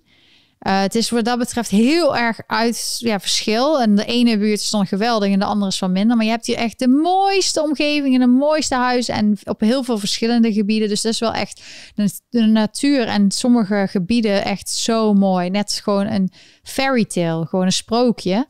Alleen de realiteit is dus, eh, je moet heel bewust zijn welke staat, welke taxes, welke regels eh, met werken enzovoort. Is, eh, maar je hebt dus heel veel keus. In Nederland heb je geen keus. Het is gewoon Nederland en Europa wil eigenlijk ook allemaal alles hetzelfde. Dus het is niet meer zoals vroeger dat je bijvoorbeeld naar een ander land kan verhuizen en dat het dan veel beter is, want het is allemaal een beetje hetzelfde. In Amerika heb je nog een beetje wat verschil en daardoor heb je nog hoop dat, dat het wat makkelijker is om je te verzetten tegen al die dingen die nu ingezet worden. Nou, en je kan hier dus gewoon nog voor, voor zelfs 50.000 dollar een huis kopen. Ja, dus wij, wij- onze droom is eigenlijk om ehm, weg te gaan naar New York City. En, hebben we nog een auto, dus we kunnen altijd nog terugrijden. Dus hopen dat we een paar uur afstand zijn. Dat we altijd hier, als er iets is, gewoon eh, alles in de gaten blijven houden. Dit is wel, eh, ik weet niet of het dit jaar al lukt. Want je moet natuurlijk wel ehm, ja, alles eh, verkopen en regelen en zo. Maar en dan willen we eigenlijk zelf iets gaan opknappen. En dan wil ik misschien ook een vlog gaan bijhouden. Dat, eh, ja, hoe het is in Amerika om een huis eh, te kopen en op te knappen of op te bouwen. Dat lijkt me wel leuk. En dat is een droom van ons en de natuur. En hier heb je echt de kans dat in de tuin een beer voorbij komt of een, ja, een ander wildlife dier. Dus je moet echt op je honden letten. En ehm, alles wordt inderdaad duurder. En ja, je hebt, ik kan niet precies zeggen, het is gewoon van in Amerika kun je iets voor kun je een uh, trailerpark, kun je een huis hebben of een, een trailer voor 10.000 dollar. Tot hier in de buurt heb je huizen die in de 50 tot 100 miljoen zitten. Maar dan heb je ook weer huisjes, daar hebben ze een bitch in. En dat is een uh, keuken en een badkamer in één. En die worden dan verhuurd voor 1000 of 2000 dollar per maand. Dus dat gaat nog helemaal terug in de tijd. Een uh, leuke serie om te kijken is uh, The Marvelous Mrs. Maisel op Amazon Prime. En een van die hoofdrolspelers, die Susie, die woont in een heel klein appartementje ook waar zo ja, de keuken en de badkamer is eigenlijk één, is heel klein. Nou, dat heb je dus echt nog gewoon hier. Dus uh, het is heel divers. Het is heel erg, heel erg. Alleen de middenklasse in Amerika, net als in Nederland, is die middenklasse die valt eigenlijk steeds meer weg. Dat het veel meer arm is en dan heel een paar mensen die heel rijk zijn. dat is waar we het net over hadden. Dat de mensen die echt iets toevoegen, dat die heel slecht betaald krijgen. Dan wordt het alleen maar slechter, helaas. Ja, dus uh, en ja, Florida zijn we ook aan het kijken. is iets mooier weer, maar dat schijnt in de zomer het weer heel heet te zijn. En ik hou op zich niet zo van de zomer of de zon. Ik hou meer van jaargetijden, de herfst en de lente. Dus nu is mijn favoriete tijd. En um, wat voor werk ga je doen voor inkomsten? Nou, ik ga boeken schrijven, ik producten, ik ga deze live chats blijven doen. Um, correspondentiewerk lijkt me leuk. Daar heb ik ook al wat uh, interesse voor. Maar ik wil gewoon eerst met jullie blijven. Ik, ik denk dat ja, het, het, de, de, de situatie beschrijven voor mensen en met mensen praten en gewoon naar mensen luisteren en dan ook weer reageren en onderzoeken en zelf naar protesten gaan en zo. Dat is allemaal wat ik leuk vind en wat ik goed kan, denk ik. En um, in Amerika is het gewoon normaal dat je op welke leeftijd dan ook gewoon een nieuwe carrière begint als het zo uitkomt. Never give up. Je gaat altijd door. En het fijne is wel als je 70 bent of 75 of zelfs 80, dat je dan gewoon nog eigenlijk kan werken en dat je al voor vol aangezien wordt. Terwijl in Nederland is het zo op een bepaalde leeftijd is het moeilijk om een baan te krijgen. Want dan vinden ze eigenlijk dat je eigenlijk al ja, te oud bent en dan kom je niet meer zo goed aan de bak. En um, in Amerika is het gewoon, ik heb mensen hier in de 70 zijn gewoon nog gewoon deel van de maatschappij. Die zitten niet achter de geraniums. Die zijn gewoon nog bezig. De een, een buurvrouw die is bezig met uh, handel op de beurs, waar ik nog geen verstand van heb. Die is, die is dat begonnen een paar jaar geleden. Andere is een kunstenaar. Um, ze zijn allemaal nog bezig. Wat voor ze, ze, zegt er wel altijd heel eerlijk bij dat ze alleen laat weten als ze iets uh, verdiend heeft. Ja, en het is alle kleine. Ik zie, dankjewel, Suus. Ik zie dat je iets hebt uh, gestuurd. Dankjewel. Ik, alle kleine beetjes helpen. En um, ja, wij, Dirk en ik, hebben echt zeven zware jaren gehad. Um, ik had, uh, dacht ik, voor mijn toekomst alles wel goed geregeld. Maar onrecht en oneerlijkheid en de Belastingdienst en al die dingen. En daar kom ik, ga ik nog op terugkomen, want ik pik het gewoon niet. Maar die heeft wel mijn toekomst heel erg in de war gebracht. Omdat je gaat ervan uit en je bepaalt... Ja, je hebt iets opgebouwd. 20 jaar heb ik gewerkt vanaf mijn 23, uh, 13e. En dan denk je, oké, ik kan nu, als ik dit zo doe, dan kan ik het rustig aandoen. En dan kan ik een beetje, ook omdat ik ziek ben geworden, kan ik voor mezelf zorgen. Uh, maar nou ben ik een beetje gedwongen door acties van andere mensen om dus weer. En ik ga niet zielig doen, want het, is, het brengt me ook wel uh, plezier. Alleen bijvoorbeeld gisteren was ik, voelde ik me zo slecht. Maar dan ja, moet je wel een live chat doen. En vorige week had ik het afgezegd. Het, ja, je wordt gedwongen om dus toch weer, ondanks dat je. In Nederland heb je een vangnet. Daar kan ik bijvoorbeeld in de. Hoe heet dat? Als je chronisch ziek bent of je kan niet meer werken, je bent niet. Uh, in de WW of zo. Ja, of weet ik veel bijstand of zo. Zou je kunnen als, als, je, geen, als je ziek wordt en je hebt. Uh, voor, weet ik veel, arbeidsongeschikt, dan heb je wel een vangnet. In Amerika heb je dat niet. En we hadden toch zoiets van, Dirk was net helemaal met het proces begonnen met green card en zo. Om, uh, ja, om hier iets op te bouwen. En daar hadden we ook gewoon heel goed, uh, goed over nagedacht en heel goed gepland. En als een bepaalde mensen uh, rare ideeën krijgen, allemaal insinuaties gaan doen, uh, ongefundeerd. En, en dat pas na een jaar of twee jaar achterkomen dat wat ze hebben gezegd onwaar is, ja, dan uh, go gooit daar nogal wel roet in het eten, inderdaad. Maar ja, ik zie het nu als mijn taak om mensen te waarschuwen en tips te geven. Ik heb altijd organizeyourlife.com, mijn website, gewoon vanuit mijn plezier naast mijn modellenwerk, gewoon gratis. Ik heb er zelf geïnvesteerd altijd. Gratis advies, tips. Ik ben certified health counselor. Ik vond het leuk om mensen ja, op een leuke manier te helpen met hun leven een beetje fijner te leiden. Alleen dan zijn er dus uh, ja, tegen.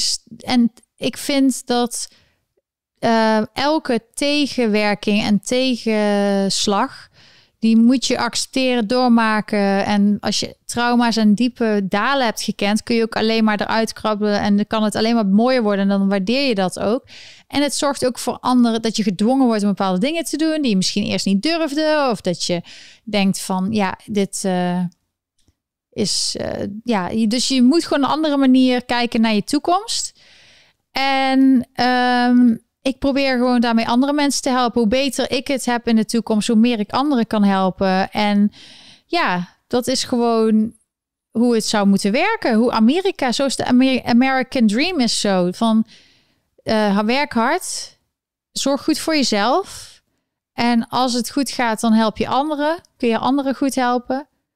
En er zijn, als het niet zo goed gaat, zijn er veel charities die je kunnen opvangen. Behalve dan dus uh, een vangnet als je dus... Uh, maar dat zegt iemand ook al in de chat. Ook in Nederland is dit vangnet. Je kan niet leven van de bijstand, is het gewoon heel zwaar. Het probleem is gewoon dat je dan afhankelijk bent van een overheid. En die, hebben, die zijn niet altijd even betrouwbaar gebleken. Zo dachten die mensen ook die, die hun... Uh, weet het? Die die kinderbij, kindertoeslag kregen. Je, je moet dat niet willen. Zelfs als je er recht op hebt denk er gewoon heel goed over na of je dat überhaupt wel doet. Want er zit gewoon echt een risico ja, aan. Ja, maar het zegt al genoeg dat je in Nederland niet eens meer twee uh, mensen die twee verdieners zijn, dat die dus bij toeslagen moeten hebben, omdat ze anders niet rond kunnen komen. Dat zegt, dat zegt al heel wat over de Nederlandse staat, hè? hoe dat nu allemaal zit. Maar in ieder geval alles wat wij. Uh, dat is een goed onderwerp voor de volgende keer. De, de oplossing die D66 daarvoor aangedragen heeft. Het, uh, uh, verlengen van de hypotheekperiode en dat soort dingen. Daar gaan we het volgende keer over hebben. Ja, volgende week. Ja, uh, wij gaan dus gewoon door. Uh, we hebben heel veel tegenslagen gehad en dingen en je gaat gewoon door. En je moet gewoon nieuwe manieren vinden. Als jij, zoals ik, ik kan niet meer fysiek modellenwerk doen. Misschien ooit als er een leuke opdracht is zo, kan ik er één doen. Maar ik, ben, ik heb daar gewoon niet meer de uithoudingsvermogen voor. En ik kan niet meer reizen, want dan ben ik weer drie dagen ziek en zo. Dus dat werkt gewoon niet meer. Uh, maar er zijn andere dingen die je kan doen. En ja, je moet altijd gewoon, voor iedereen is er wel een baan, voor iedereen is er wel iets om iets toegevoegde waarde. Sommige mensen vinden het al leuk om gewoon met mij te chatten zo. Um, ja, het is, uh, je vindt gewoon een manier. En zo moet je het leven. Als er een tegenslag is, vind je gewoon een nieuwe manier om verder te gaan. En ik zie dat jullie, uh, ja, en misschien is het zorgt ervoor dat wij dus nu hier gedwongen weg moeten.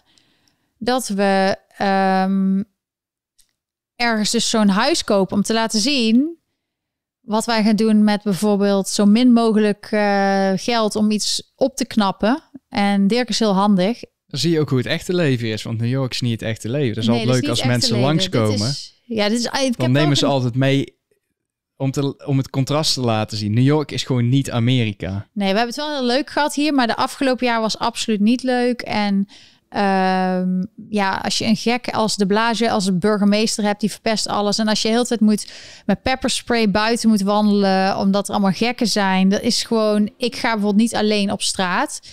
Uh, dat doe je gewoon niet. Ja, gelukkig heb ik been. Maar ja, daar ben ik wel blij om trouwens dat ik hem heb. Maar um, het is heel erg veranderd. Dus ik, ik, ik heb Maar dat is wel een goed ding, want daar is in ieder geval iedereen het over eens. Dat is één ding waar iedereen op bij elkaar komt. De Blasio moet weg. Ja, en misschien uh, een groentetuintje, lekker duurzaam, zelf zeg je self-sustainable. En uh, voor benen een lekker tuintje om rond Gewoon een flinke lap grond, een normaal huis het liefst helemaal zelfvoorzienend. Met een studio zodat ik mijn live chats door kan doen. Ja, en een apart kamertje wat op slot kan, ook voor mij. Ja, Dirk die vindt altijd... Ik wil altijd kletsen met Dirk als hij aan het werk zit. Ik ben het werk.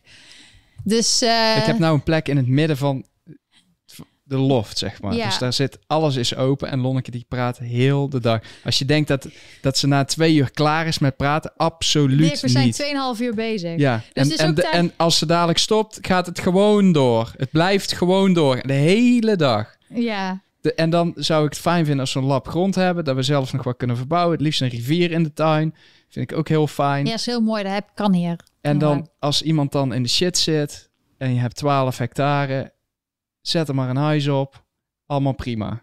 Ja, ja, het is hier allemaal, dat is allemaal nog allemaal een droom die mogelijk is. Hè? Ook zeker als je in Nebraska of andere plekken in Amerika gaat, kun je echt voor 12. We zagen laatst een oude, wat was het, een bank of zo, een oude library voor 12.000 dollar. Die Ja, moest dat wel was in, verbouwd eh, worden. Ja, het is ergens bij in, in Nebraska, ja. Ja, dus als we niet per se New York willen wonen, dan is echt alles mogelijk. Dan is het echt, kan je echt wel heel goed betaalbaar voor veel goedkoper als in Nederland iets vinden. Alleen, ja, we willen toch nog een beetje bij de bewoonde wereld blijven. En ik wil ook nog wel die protesten en zo wel meemaken om eens gewoon te gaan kijken. Dus we zijn, ja, het- ik ben nu gewoon alles een beetje naar buiten aan het gooien van. Ja, wat, eh, waar wij mee bezig zijn. Gewoon, ja, maar ik, ik wil gewoon een andere, een ander beeld of zo. Of een ander gedachtegang. Dat mensen dat op YouTube en video's en ja, gewoon het normale, ja, meer normaal leven. Gewoon niet zo dat allemaal nieuws, al die sensatiemedia, maar normaal nieuws. En gewoon zeggen als iets niet goed is en als iets wel goed is.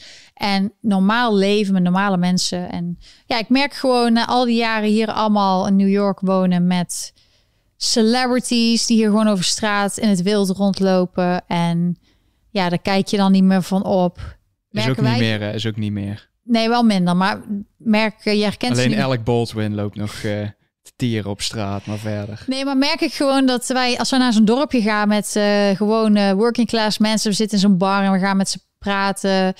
Of aan, op het terrasje. Dat, dat, dat, dat is echt leuk. Gewoon de echte mensen. Ja, dus dat eh, wil ik wel meer opzoeken. Niet die mensen die alleen maar met gender studies bezig zijn. En ik ben Zit, zitten wij hier ook nog naast NYU te kijken, inderdaad. Ja, dus eh, we hebben het nu gezien.